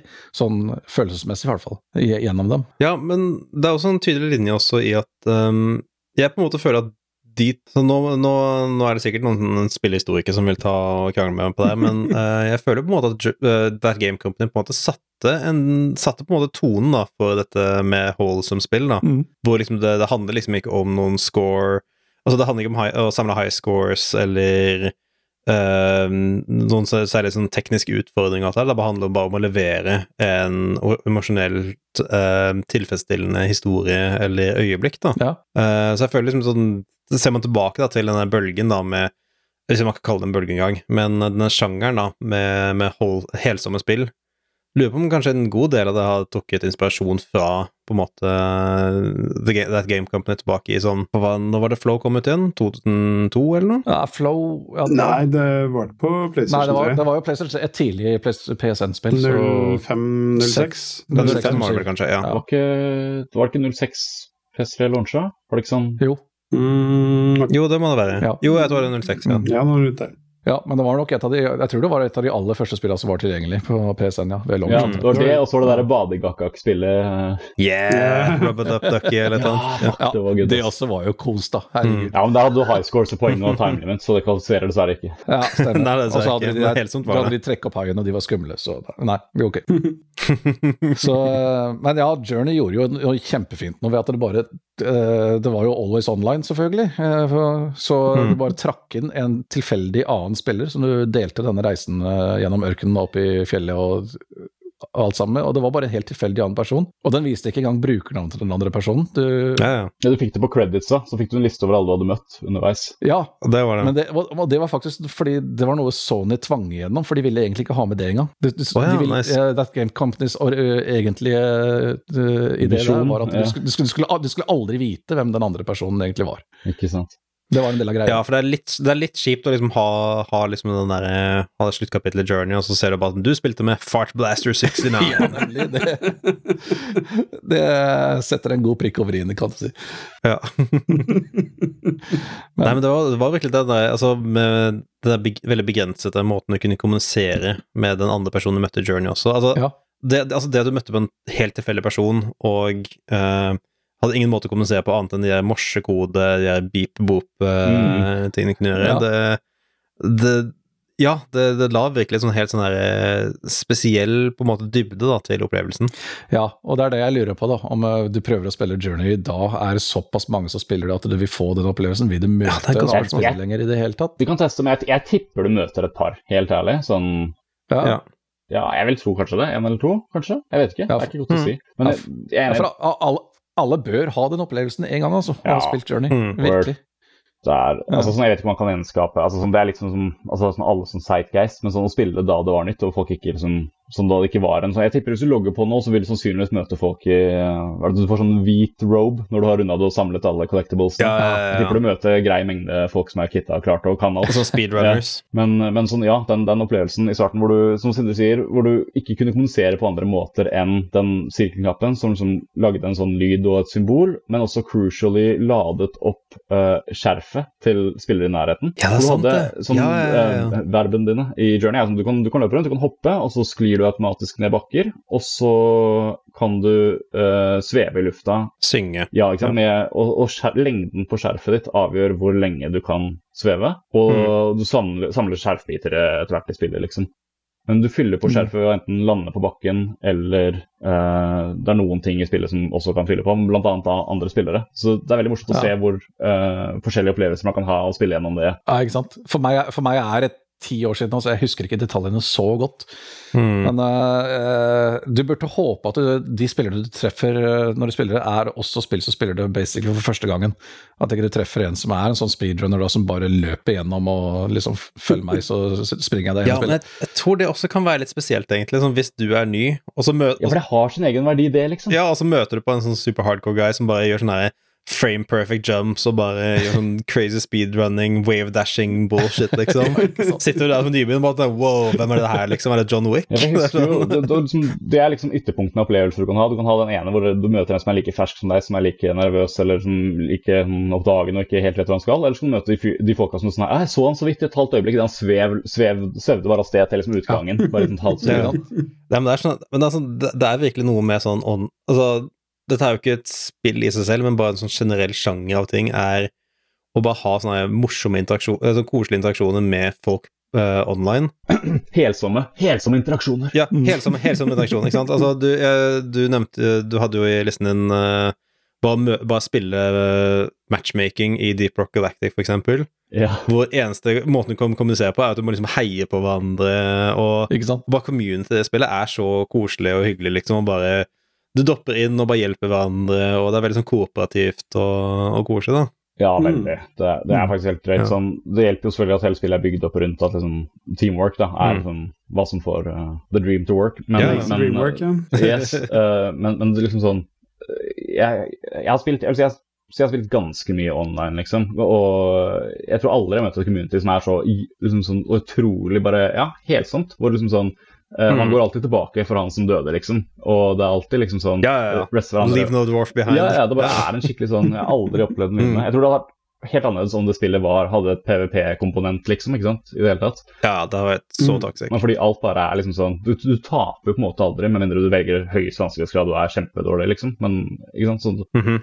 så du alt må tjene på bare å være koselig og ja. Ja. Mm. tenker også på altså, Jeg tror en av mine sånne eh, En av mine sånn favoritt sånn online-opplevelser var jo i Når jeg spilte mye Monster Hunter World. Mm. eh, så spilte jeg mye sånn Da tok jeg ofte bare og spilte solo, men så bare skjøt jeg opp en sånn der, hva de kalte det, sånn SOS-flare, så hvem som helst kunne matchmake og joine deg for å hjelpe deg. Mm. Da husker jeg bare en gang jeg møtte en sånn der Plutselig bare fikk jeg en, en kar som bare sånn level, level 800, bare sånn super, med japansk navn, liksom. Da vet han er hardcore. Yeah. Eh, da kommer, da, da sånn, da kommer det inn med sånn supersvett dude eh, og løper inn med bare sånn equip, sånn gear fra, uh, som jeg aldri har sett engang. Liksom, bare sånn, hvilket monster det er Altså, dette er den titulære monsterhunteren. Du møter ham. Ja, ja, det, det, it's the guy, liksom. Og han dukket opp, og eh, han hjalp liksom med å slåss mot monster. alt her. Han tok bare hev på den her med, brukte den her med items, uh, consumables, for å bøffe meg. Og sto han bare der og klappet mens jeg sloss mot monster. og, så, og så helt på slutten så bare tok han og dro fram sverdet sitt og bare ju- basically finisher den på sånn tre angrep, liksom. Bare en helt sånn sinnssyk jævla sånn kombo. og så bare forsvant han. Altså, det, det, var, det, var som å, det var som å matchmake med Batman, liksom. Det var helt utrolig. Ja, det er liksom noen spill som har så mye liksom sånn uh, Hvor du kan uh, ja, har så mange forskjellige builds, og du har så mye systemer og greier mm. på at du kan finne møte av og til så møter du de gudene som bare har spilt i milliarder timer og mestret alt. Jeg har jo akkurat samme i Destiny når jeg tar og spiller litt sånn strikes på kveldinga bare for å få uh, spille Striker 2, og så sånn, av og til møter du en mm. fyr som bare This guy. This ja, guy, Han har vært her en stund. Han er, han er på et annet nivå. og, liksom, og, han ser du ikke igjen, liksom, før han klapper og heier på mm. slutten av banen når han har drept tre ganger så mange som alle andre. Ja. Yes. Føler også at uh, Sea of Thieves også, er også et spill som legger opp til veldig mye sånne interaksjoner. Mm. Sånn, det er jo et spill som bare er bygd rundt at uh, man skal bare sose rundt i uh, sose rundt i en åpen verden, og nesten alle med Altså, største problemet Sea of Thieves har, er jo at på en måte grunngameplayet er Altså, combaten, da. Altså, når du drar på en øy og slåss med skjelett og alt det der, det er gørr kjedelig. Men det på en måte det gir mening når du innser at liksom alle mekanikkene de har laget i det spillet, handler om uh, sosiale interaksjoner. Mm. For liksom sånn Ja, ja, combaten er super basic uh, og alt det der, men uh, skipsseilingen er så dyp og komplisert at det krever liksom uh, masse samarbeid og kommunikasjon. Mm. Uh, og også de har sånn et superavansert uh, musikksystem. Hvor det bare handler om at type sånn Hei, altså skal, man, skal man spille en sang sammen i konsert, liksom, som et band, så har vi liksom sånn Vi har recorda sånn sånn unike sound, uh, lydspor basert på hvem som liksom tar ledelsen. Er det trommene, eller er det trekkspillet, liksom? Mm. Og ja. altså, De har puttet så mye fokus da, på de sosiale mekanikkene i det spillet at uh, det er bare Altså, jeg har gjort en del, og jeg har bare hoppet inn i random uh, Sea of Thieves games og bare jeg har folk på Xbox-vennelisten min nå som jeg bare møtte på random sjørøvertokt, liksom, bare fordi vi, har, vi fikk så god tone sammen. Mm. Så det Ja, definitivt. Ja, en type helsom, eh, helsom spill da, som ja, ikke går på at man liksom bare Det skal være uutfordrende og, og enkelt å komme seg inn i. Det er bare sånn, mer sånn Ja, det, det legger opp til, da, til gode opplevelser. Ja. Mm. ja. det var faktisk et veldig good, good shout. Jeg en stund, kanskje et år siden jeg spilte det sist selv, eh, men husker jeg spilte det mm. ganske intenst i noen måneder. Og det er jo liksom sånn det er synd at combaten er så altså sånn, Jeg klarer nesten ikke å sette fingeren på det, Om det er liksom mangel på feedback når du liksom treffer andre, eller det faktum at alt bare ja, er på en måte sånn Det er, det er vektløst. Det er vektløst, og du alt er liksom bare sånn ja du trykker på knappen for å svinge sverdet, og så vet du at du da har en sånn fucking hurtbox midt på skjermen som du må holde over ja. sånn, Det føles veldig sånn, ja. Men seilinga mm. er jo så utrolig bra. Altså sånn, Det er så good. Og som du ja, sier, så er jo uh, ferdighets uh, skill ceiling, så du kan mestre det og være så effektiv, og du kan gjøre så mye kult. Du kan dra liksom faktiske sånne mm. fucking manøvre med skipet ditt, liksom, hvor du dropper ankeret og tar en sånn fucking brekksladd, liksom. Du kan gjøre sykt mye greier hvis du er kompetent og koordinert nok. Jeg vil se Ja, det er akkurat koordinasjonen, ikke sant. Det, alle, det... Jeg, vil, jeg, vil, se, jeg vil se, sånn, jeg vil se mod community. Jeg vil se jævla surfmaps med det jævla skipet. Hvor liksom alle fire må yes. bare hoppe nedover. Uh... Rakettmotor på båtene. Ja. ja men, det, ja, men det er, jeg, tror, jeg, tror liksom, jeg tror det er denne episoden her hvor jeg sitter på partene, hvor jeg innså at ja, nei, grunnen til at liksom combaten, svinge et sverd og skyte en pistol at deg i Sea of Thieves er så lackluster, er jo rett og slett fordi det er, det er, det er en mekanikk som ikke er kooperativ. Mm. Så hvis, hvis, det ikke liksom involverer eh, koordinasjon eller samarbeid eller kommunikasjon med andre spillere, så er det ikke verdt å investere designtid i, I guess. Jeg lurer på om det kanskje er litt sånn design-etosen Det føles jo veldig som en sånn, sånn, sånn vi, må jo, vi må jo obviously ha mulighet til å svinge det dumme sverdet, men liksom sånn, legge inn den mest militære selvforklarende Altså sånn, ja, ja. mest selvfølgelige måten å presentere det på, da. Um, Yeah. Det, er, det, er, jo nesten bare i kontrast til det andre at det virker dårligere, ikke sant? fordi seilinga er mm. så bra. Ja, ja. Mm. Jeg tenker Det er jo sikkert akkurat det jeg har tenkt, at de vil at liksom, folk skal henge sammen og gjøre ting sammen. Og, og hvis de gjør combaten for gøy, så kommer noen til å bare stikke av sted på en øy og bare drepe sletter i to timer, ikke sant? og ikke prate med noen. Ikke sant, det er akkurat det. Jeg hater når spillerne spiller spiller for mye, ass. ja, ikke sant? yes. Ja. Ja, men uh, ja. Terje, har du noe mer du vil uh... Ja, jeg har lyst til å nevne stacking fra Double Fine. For, ah, men, uh, gjør det, for det er veldig koselig. Ja! Fordi jeg elska det konseptet, og jeg husker at det var et sykt koselig stemning eh, i spillet, rett og slett. Men Veldig. jeg lener meg Jeg digger det også. jeg lener meg på tolv år gamle, litt diffuse minner når jeg skal snakke om det. Men ja, det handler jo om disse her uh, konseptet, sånne russiske dokker. Du, Mm. De er tredokkene hvor du har en stor en som du åpner, og så er det en mindre Nesting mindre. dolls. Ja, sånne nesting dolls, ja, eller hva het, de heter, det er eh, babusjka Matryoshka. Ja, et eller annet sånt noe. Mm. Eh, det er konseptet. Eh, det er masse sånne figurer i forskjellige størrelser. eh, sånne, og de har eh, litt forskjellige skills eh, og sånt. Og det, det, er, det er en eller annen oppgave du skal løse på disse forskjellige eh, nivåene. Da. Så du starter, som, du starter som regel alltid med å styre en av de aller minste dokkene. Mm. Og greia er at du kan eh, Du har eh, muligheten til å hoppe inn i den eh, i hvilken som helst av disse annen dokker som er størrelsen større enn det du er. Én kategori større. Er det lov å si at dette er, at det er liksom PG13 Hitman, eller? Ja, ikke sant? Ja, egentlig. Det er veldig, det er veldig hitman-loopen, Hitman-loopen, ja. Mm. Ja.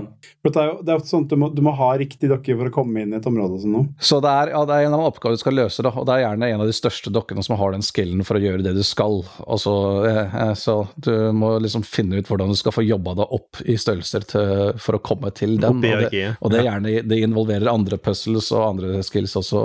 Det er så good. Fordi, ja, selvfølgelig. Og ja, og det, det, er- det, er bare, det er bare den sånn ordentlig smooth, deilig, double fine eh, stemning i det. Mm. Tvers igjennom, egentlig. Uh, Jeg vil også Det- så slå For det var Xbox Arcade, så da får du jo automatisk liksom sånn Da vet du at ikke det kommer til å ha samme scope, ikke sant. Det kommer ikke til å vare i 20 timer. Uh, og for Nei, med problemer med attention span, så syns jeg, jeg Jeg fullførte sacking, da. Det er det ikke alle double fine ja, for det, var, det, det, er, det er veldig kort. Det er Mm. tre-fire timer eller noe sånt, nå, kanskje. Maks. Ja, ja.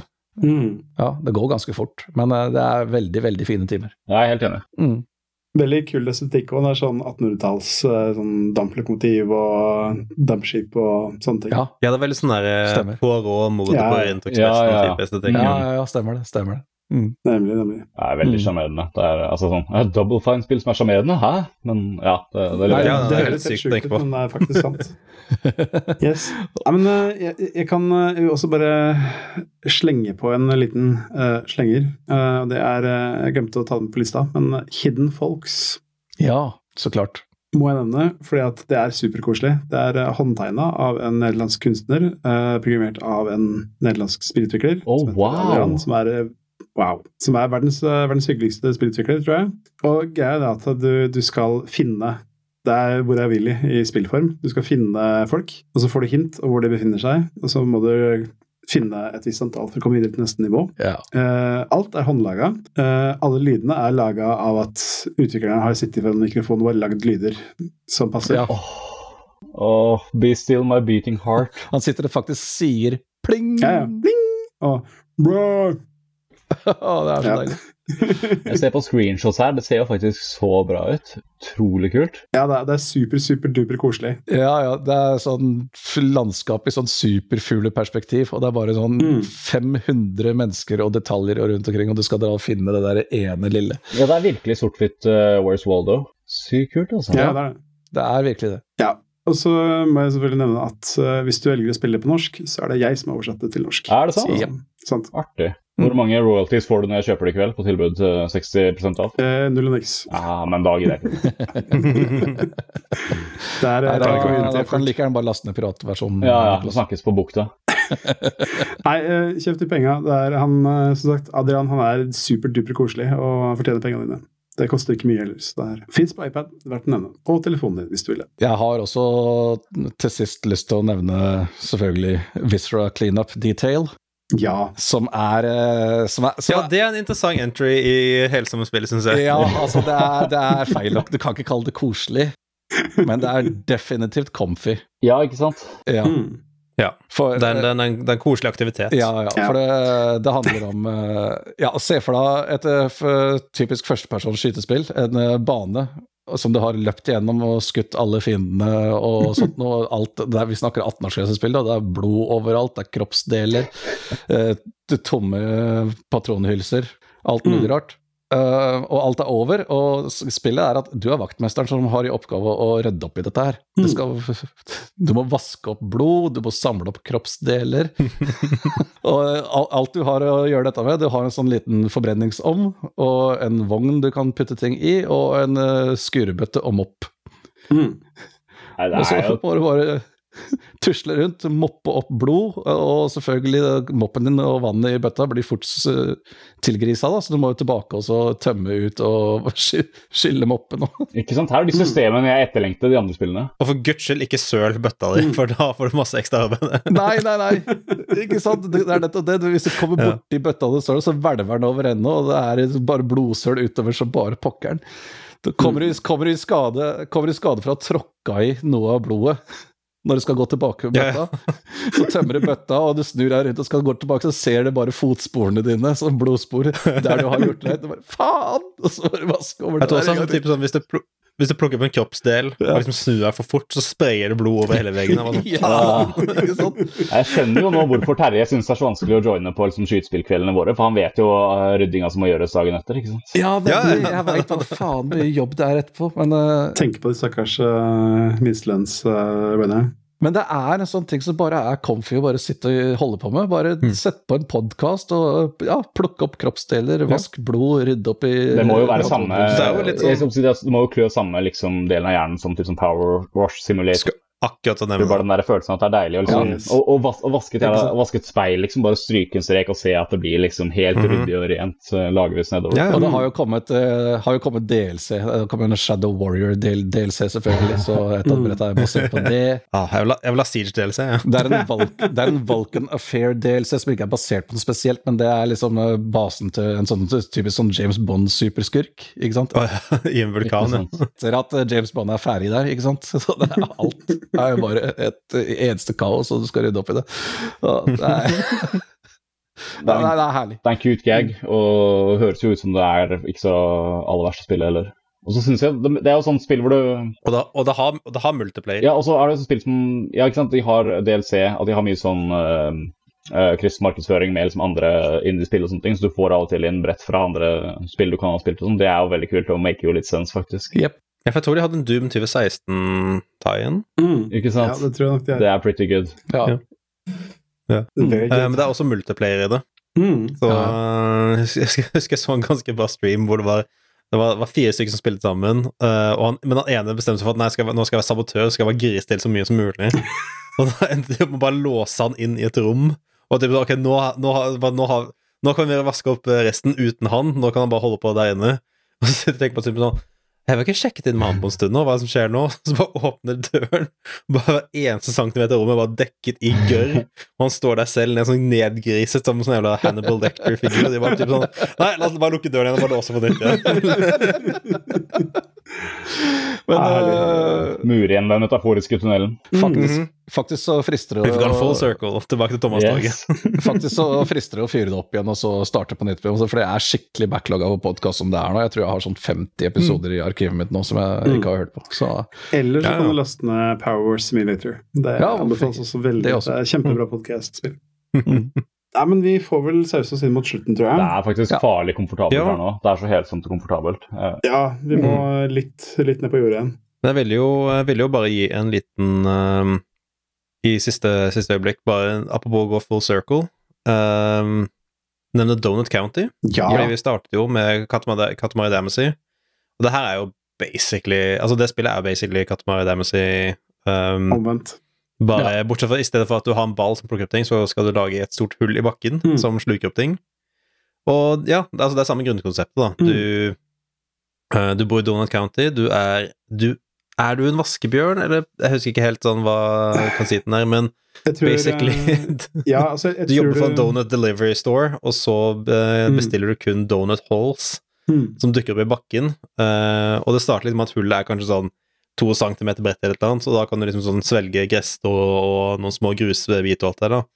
Men jo mer du svelger, jo større vokser hullet, og da kan du plutselig begynne å svelge postkasser og større steiner og eh, malingsspann og så videre, så bare vokser du, vokser du, til, hvor du til slutt begynner å svelge hele byen, da. Mm.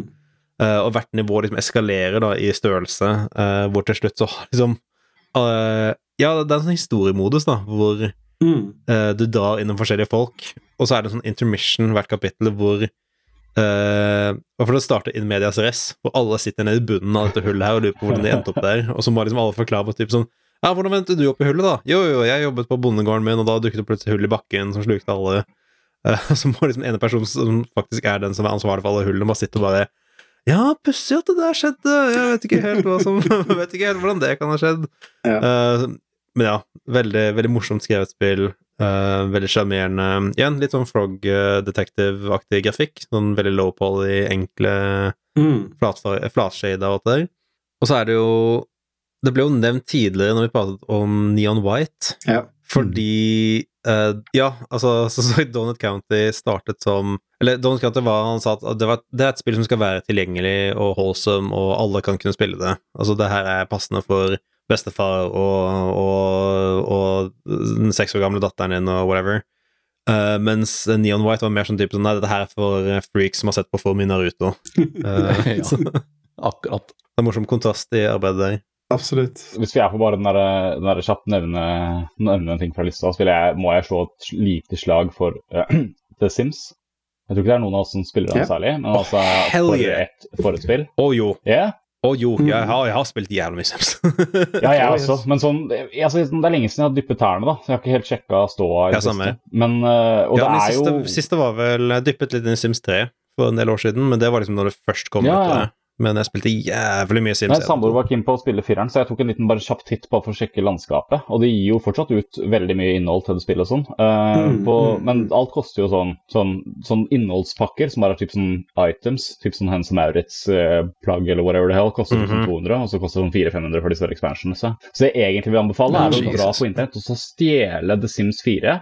Uh, er det Fitgirl hun heter? Hun har en Ja, men altså, The Sims 4 er gratis. hun har en Du trenger ikke å stjele. jo, jo, men altså, eh, det er Fitgirl hun heter, ikke den som lager alle de der killer... Ja, den, den Ja, er ja, ja, et veldig bra ripp, hvor du får med en veldig enkel sånn, eh, hvor du kan huke av bare alle ekstrapakkene du vil ha.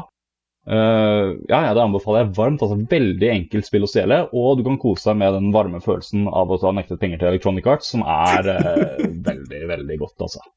Som er rasshøl. Det er, Ja. nei, nei, det er bra anbefaling. Det er kanskje den mest helsomme Yes. følelsen av noensinne, å stjele penger fra Og så, og så kan du selvfølgelig legge inn sex mods i The syns. Det, også, det kan du rette på. Det er også, uh, pocket, er det det? Hvem er det som er sjefen av Electronic Art igjen? Mm. Nei, det er lenge siden. Ja, det er, er det ikke, er det ikke John McTell nå? Nei, det er, det er også lenge siden. Faen, Mm. jeg er gammel. Nei, jeg husker ikke. Ja, glemt. Yes. Nei, men da, Whatever, En, eller- en, en annen kakse. det kan vi si. Men um, vi får eh, runde av, tenker jeg. Ja. Off-topic-ting. Jeg har eh, en jeg vil eh, bare trekke fram veldig kort. Det er uh, kryssord. Det er noe bestemor drev med da jeg var liten. eh, men jeg finner ut at eh, det er ikke bare sånne kjedelige møkkakryssord. Det finnes også noe morsomme. Hvor det er, Dette er ikke din bestemors kryssord! det er akkurat det jeg skulle si. This ain't your grandma's crossword puzzle.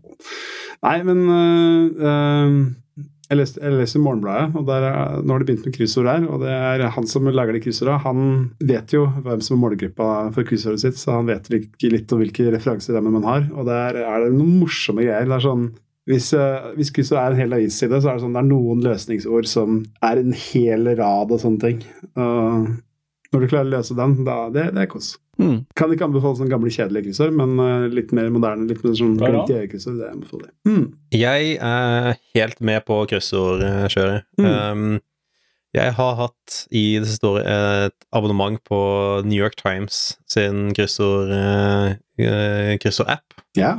Som er Er det uh, Chris Remo-inspirert, eller? Yes, det er definitivt Chris Remo som har solgt meg på det. Fordi Det er, altså sånn, det er, det er virkelig Det er kryssord i verdensklasse. Sånn, En god kryssorddesigner er sånn Det er imponerende å se på. For det er sånn type sånn Da, da ender du opp med en sånn kryssord hvor det er sånn Ikke bare er det kryssord, men du innser at bare type sånn, å, dette kryssordet her har et, har et eller annet hidden theme som Mm. du oppdager underveis.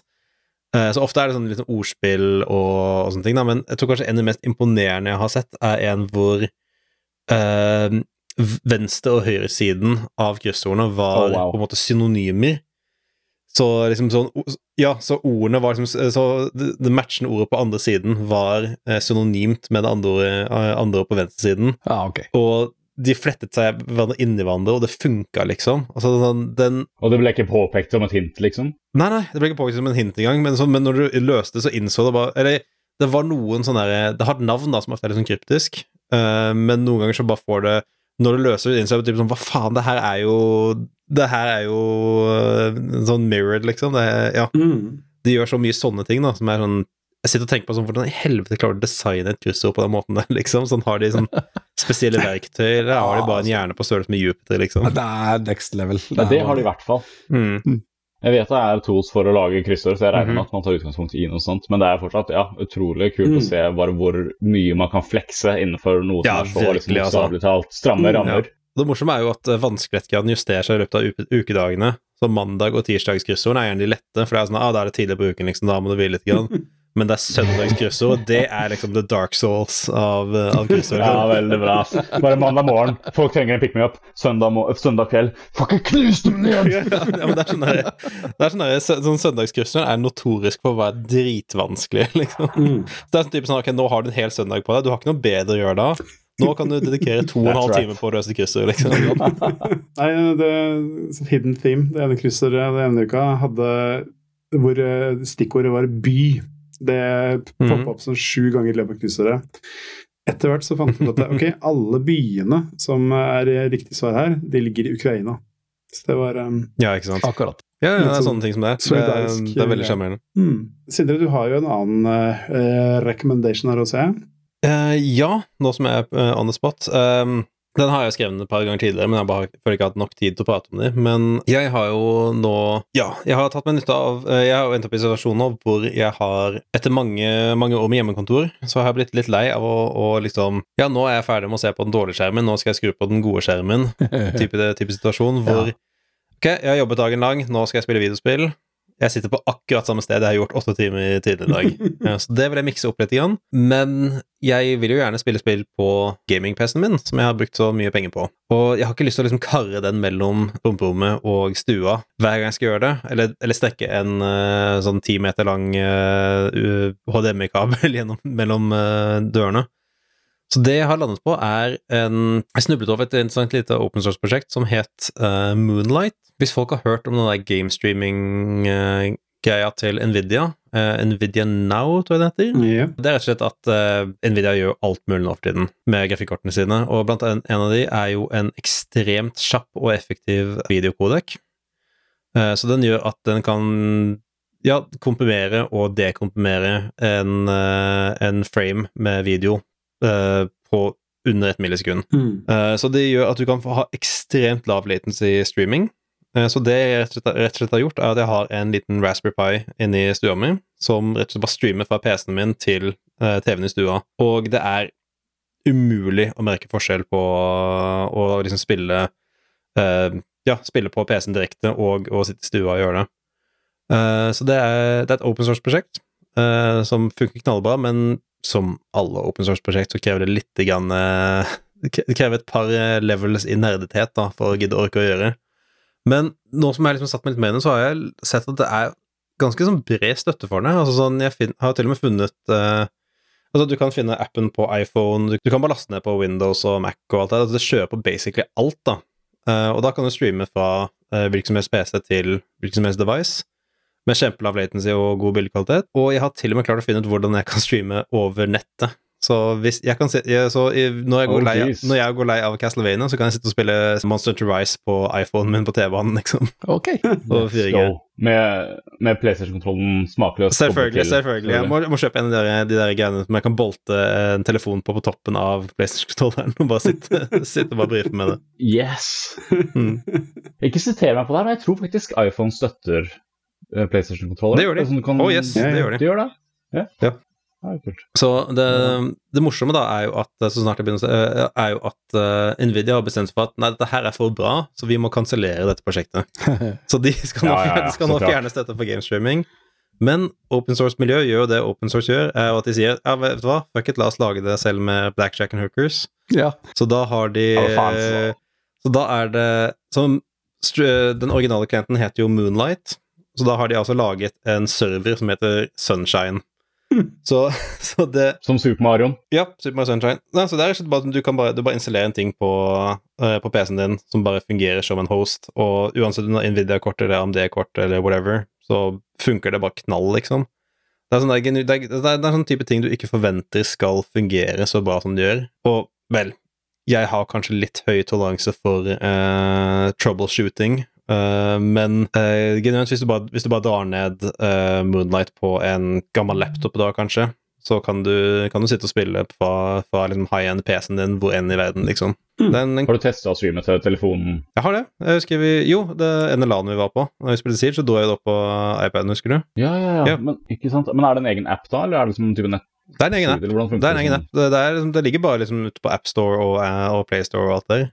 Jeg har til og med funnet, jeg har til og med funnet versjon Det er til og med folk som lager homebrew-versjon til alle mulige rare plattformer. Jeg har funnet en for smart-TV-er. Oh, let's go! Hvis du jailbreaker eh, Hvis du jailbreaker liksom Samsung- Samsung- Samsung-TV-en din, oh, så kan du installere, kan, kan du installere oh, på den. Ja, ja, det er konge. Ja, oh, herregud, det er dritkult. ja. ja.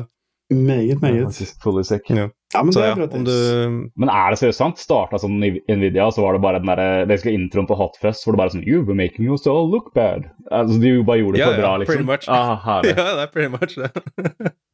Yes. Ja, for det, det startet vel med hva for noe? Nvidia Shield, heter det. Ja. Eh, Det der, eh, Ja, ja, ja. Den der tafatte, håndholdte plattformen de prøvde å lansere. Oh, ja. Og så gjorde de om til en streaminggreie, og så begynte å selge selvstendige streamingbokser. Du liksom måte, litt sånn Apple TV-aktige greier. Um, du, kunne, du kunne plugge ned TV-en. Uh, men uh, ja, uh, så det var basert på det, og det er et failed project fra Nvidia nå. Men som sagt, open source community har bare tatt over konseptet og kjører med det, liksom. Mm. Det morsomme er jo at de beste faktisk de beste sånn, um, hardwaren for å streame på, er jo disse gamle Nvidia Shield-boksene. Uh, husker dere Amazon Firestick? Oh, Den der dumme streaming-HDMI-greia deres. Den er også kjempegod til det. Og også sånn der eh, Hva det heter de um, Intel uh, Du vet de bitte små sånn Apple TV-aktige boksene som uh, man bruker for sånne Teams-greier på kontor og skole og alt der. De er Guess what? De er kjempegode på video- videodekomprimering. Så de er bare sånne, de er, de er perfekte sånne eh, streamingboksene for det der. Ja vel. Så det er bare, sånn, det er bare, det er bare blitt et hjem da, for bare utdatert uh, off, uh, sånn utdatert uh, streaming hardware. Å, herlig. Misfit Toys, liksom. Ja, så Mm. Det er bare så Altså, det er jo ikke noe, noe nyhet, men igjen og igjen så får man bare vise at liksom bedrifter suger pikk i helvete, og enkeltmennesker er liksom redder dagen alltid. Bare se på, se, på, se på Terje, liksom. Ja visst. Som tar, tar den gode kampen. Ja, faktisk, ja. eh, Mm. herlig. Det er veldig bra. Gode tips. Uh, Mm. Men da tror jeg vi har nådd eh, veis ende, har vi ikke det? Ja, jeg tror Ja. vi burde begynne å rappe opp nå. Føler vel vi er, er der. Mm. Yes. Pulsen min er som om 30, helt sånn farlig comfy. Det er ikke noe Nei, så, men vi tar og runder av ved å nevne at eh, vi har en e-postadresse. Det fikk ingen med seg siden forrige episode. Fordi vi glemte å nevne det. Vi, vi nevner det igjen. Uh, hets, Ja. alfakveldspillegal.no.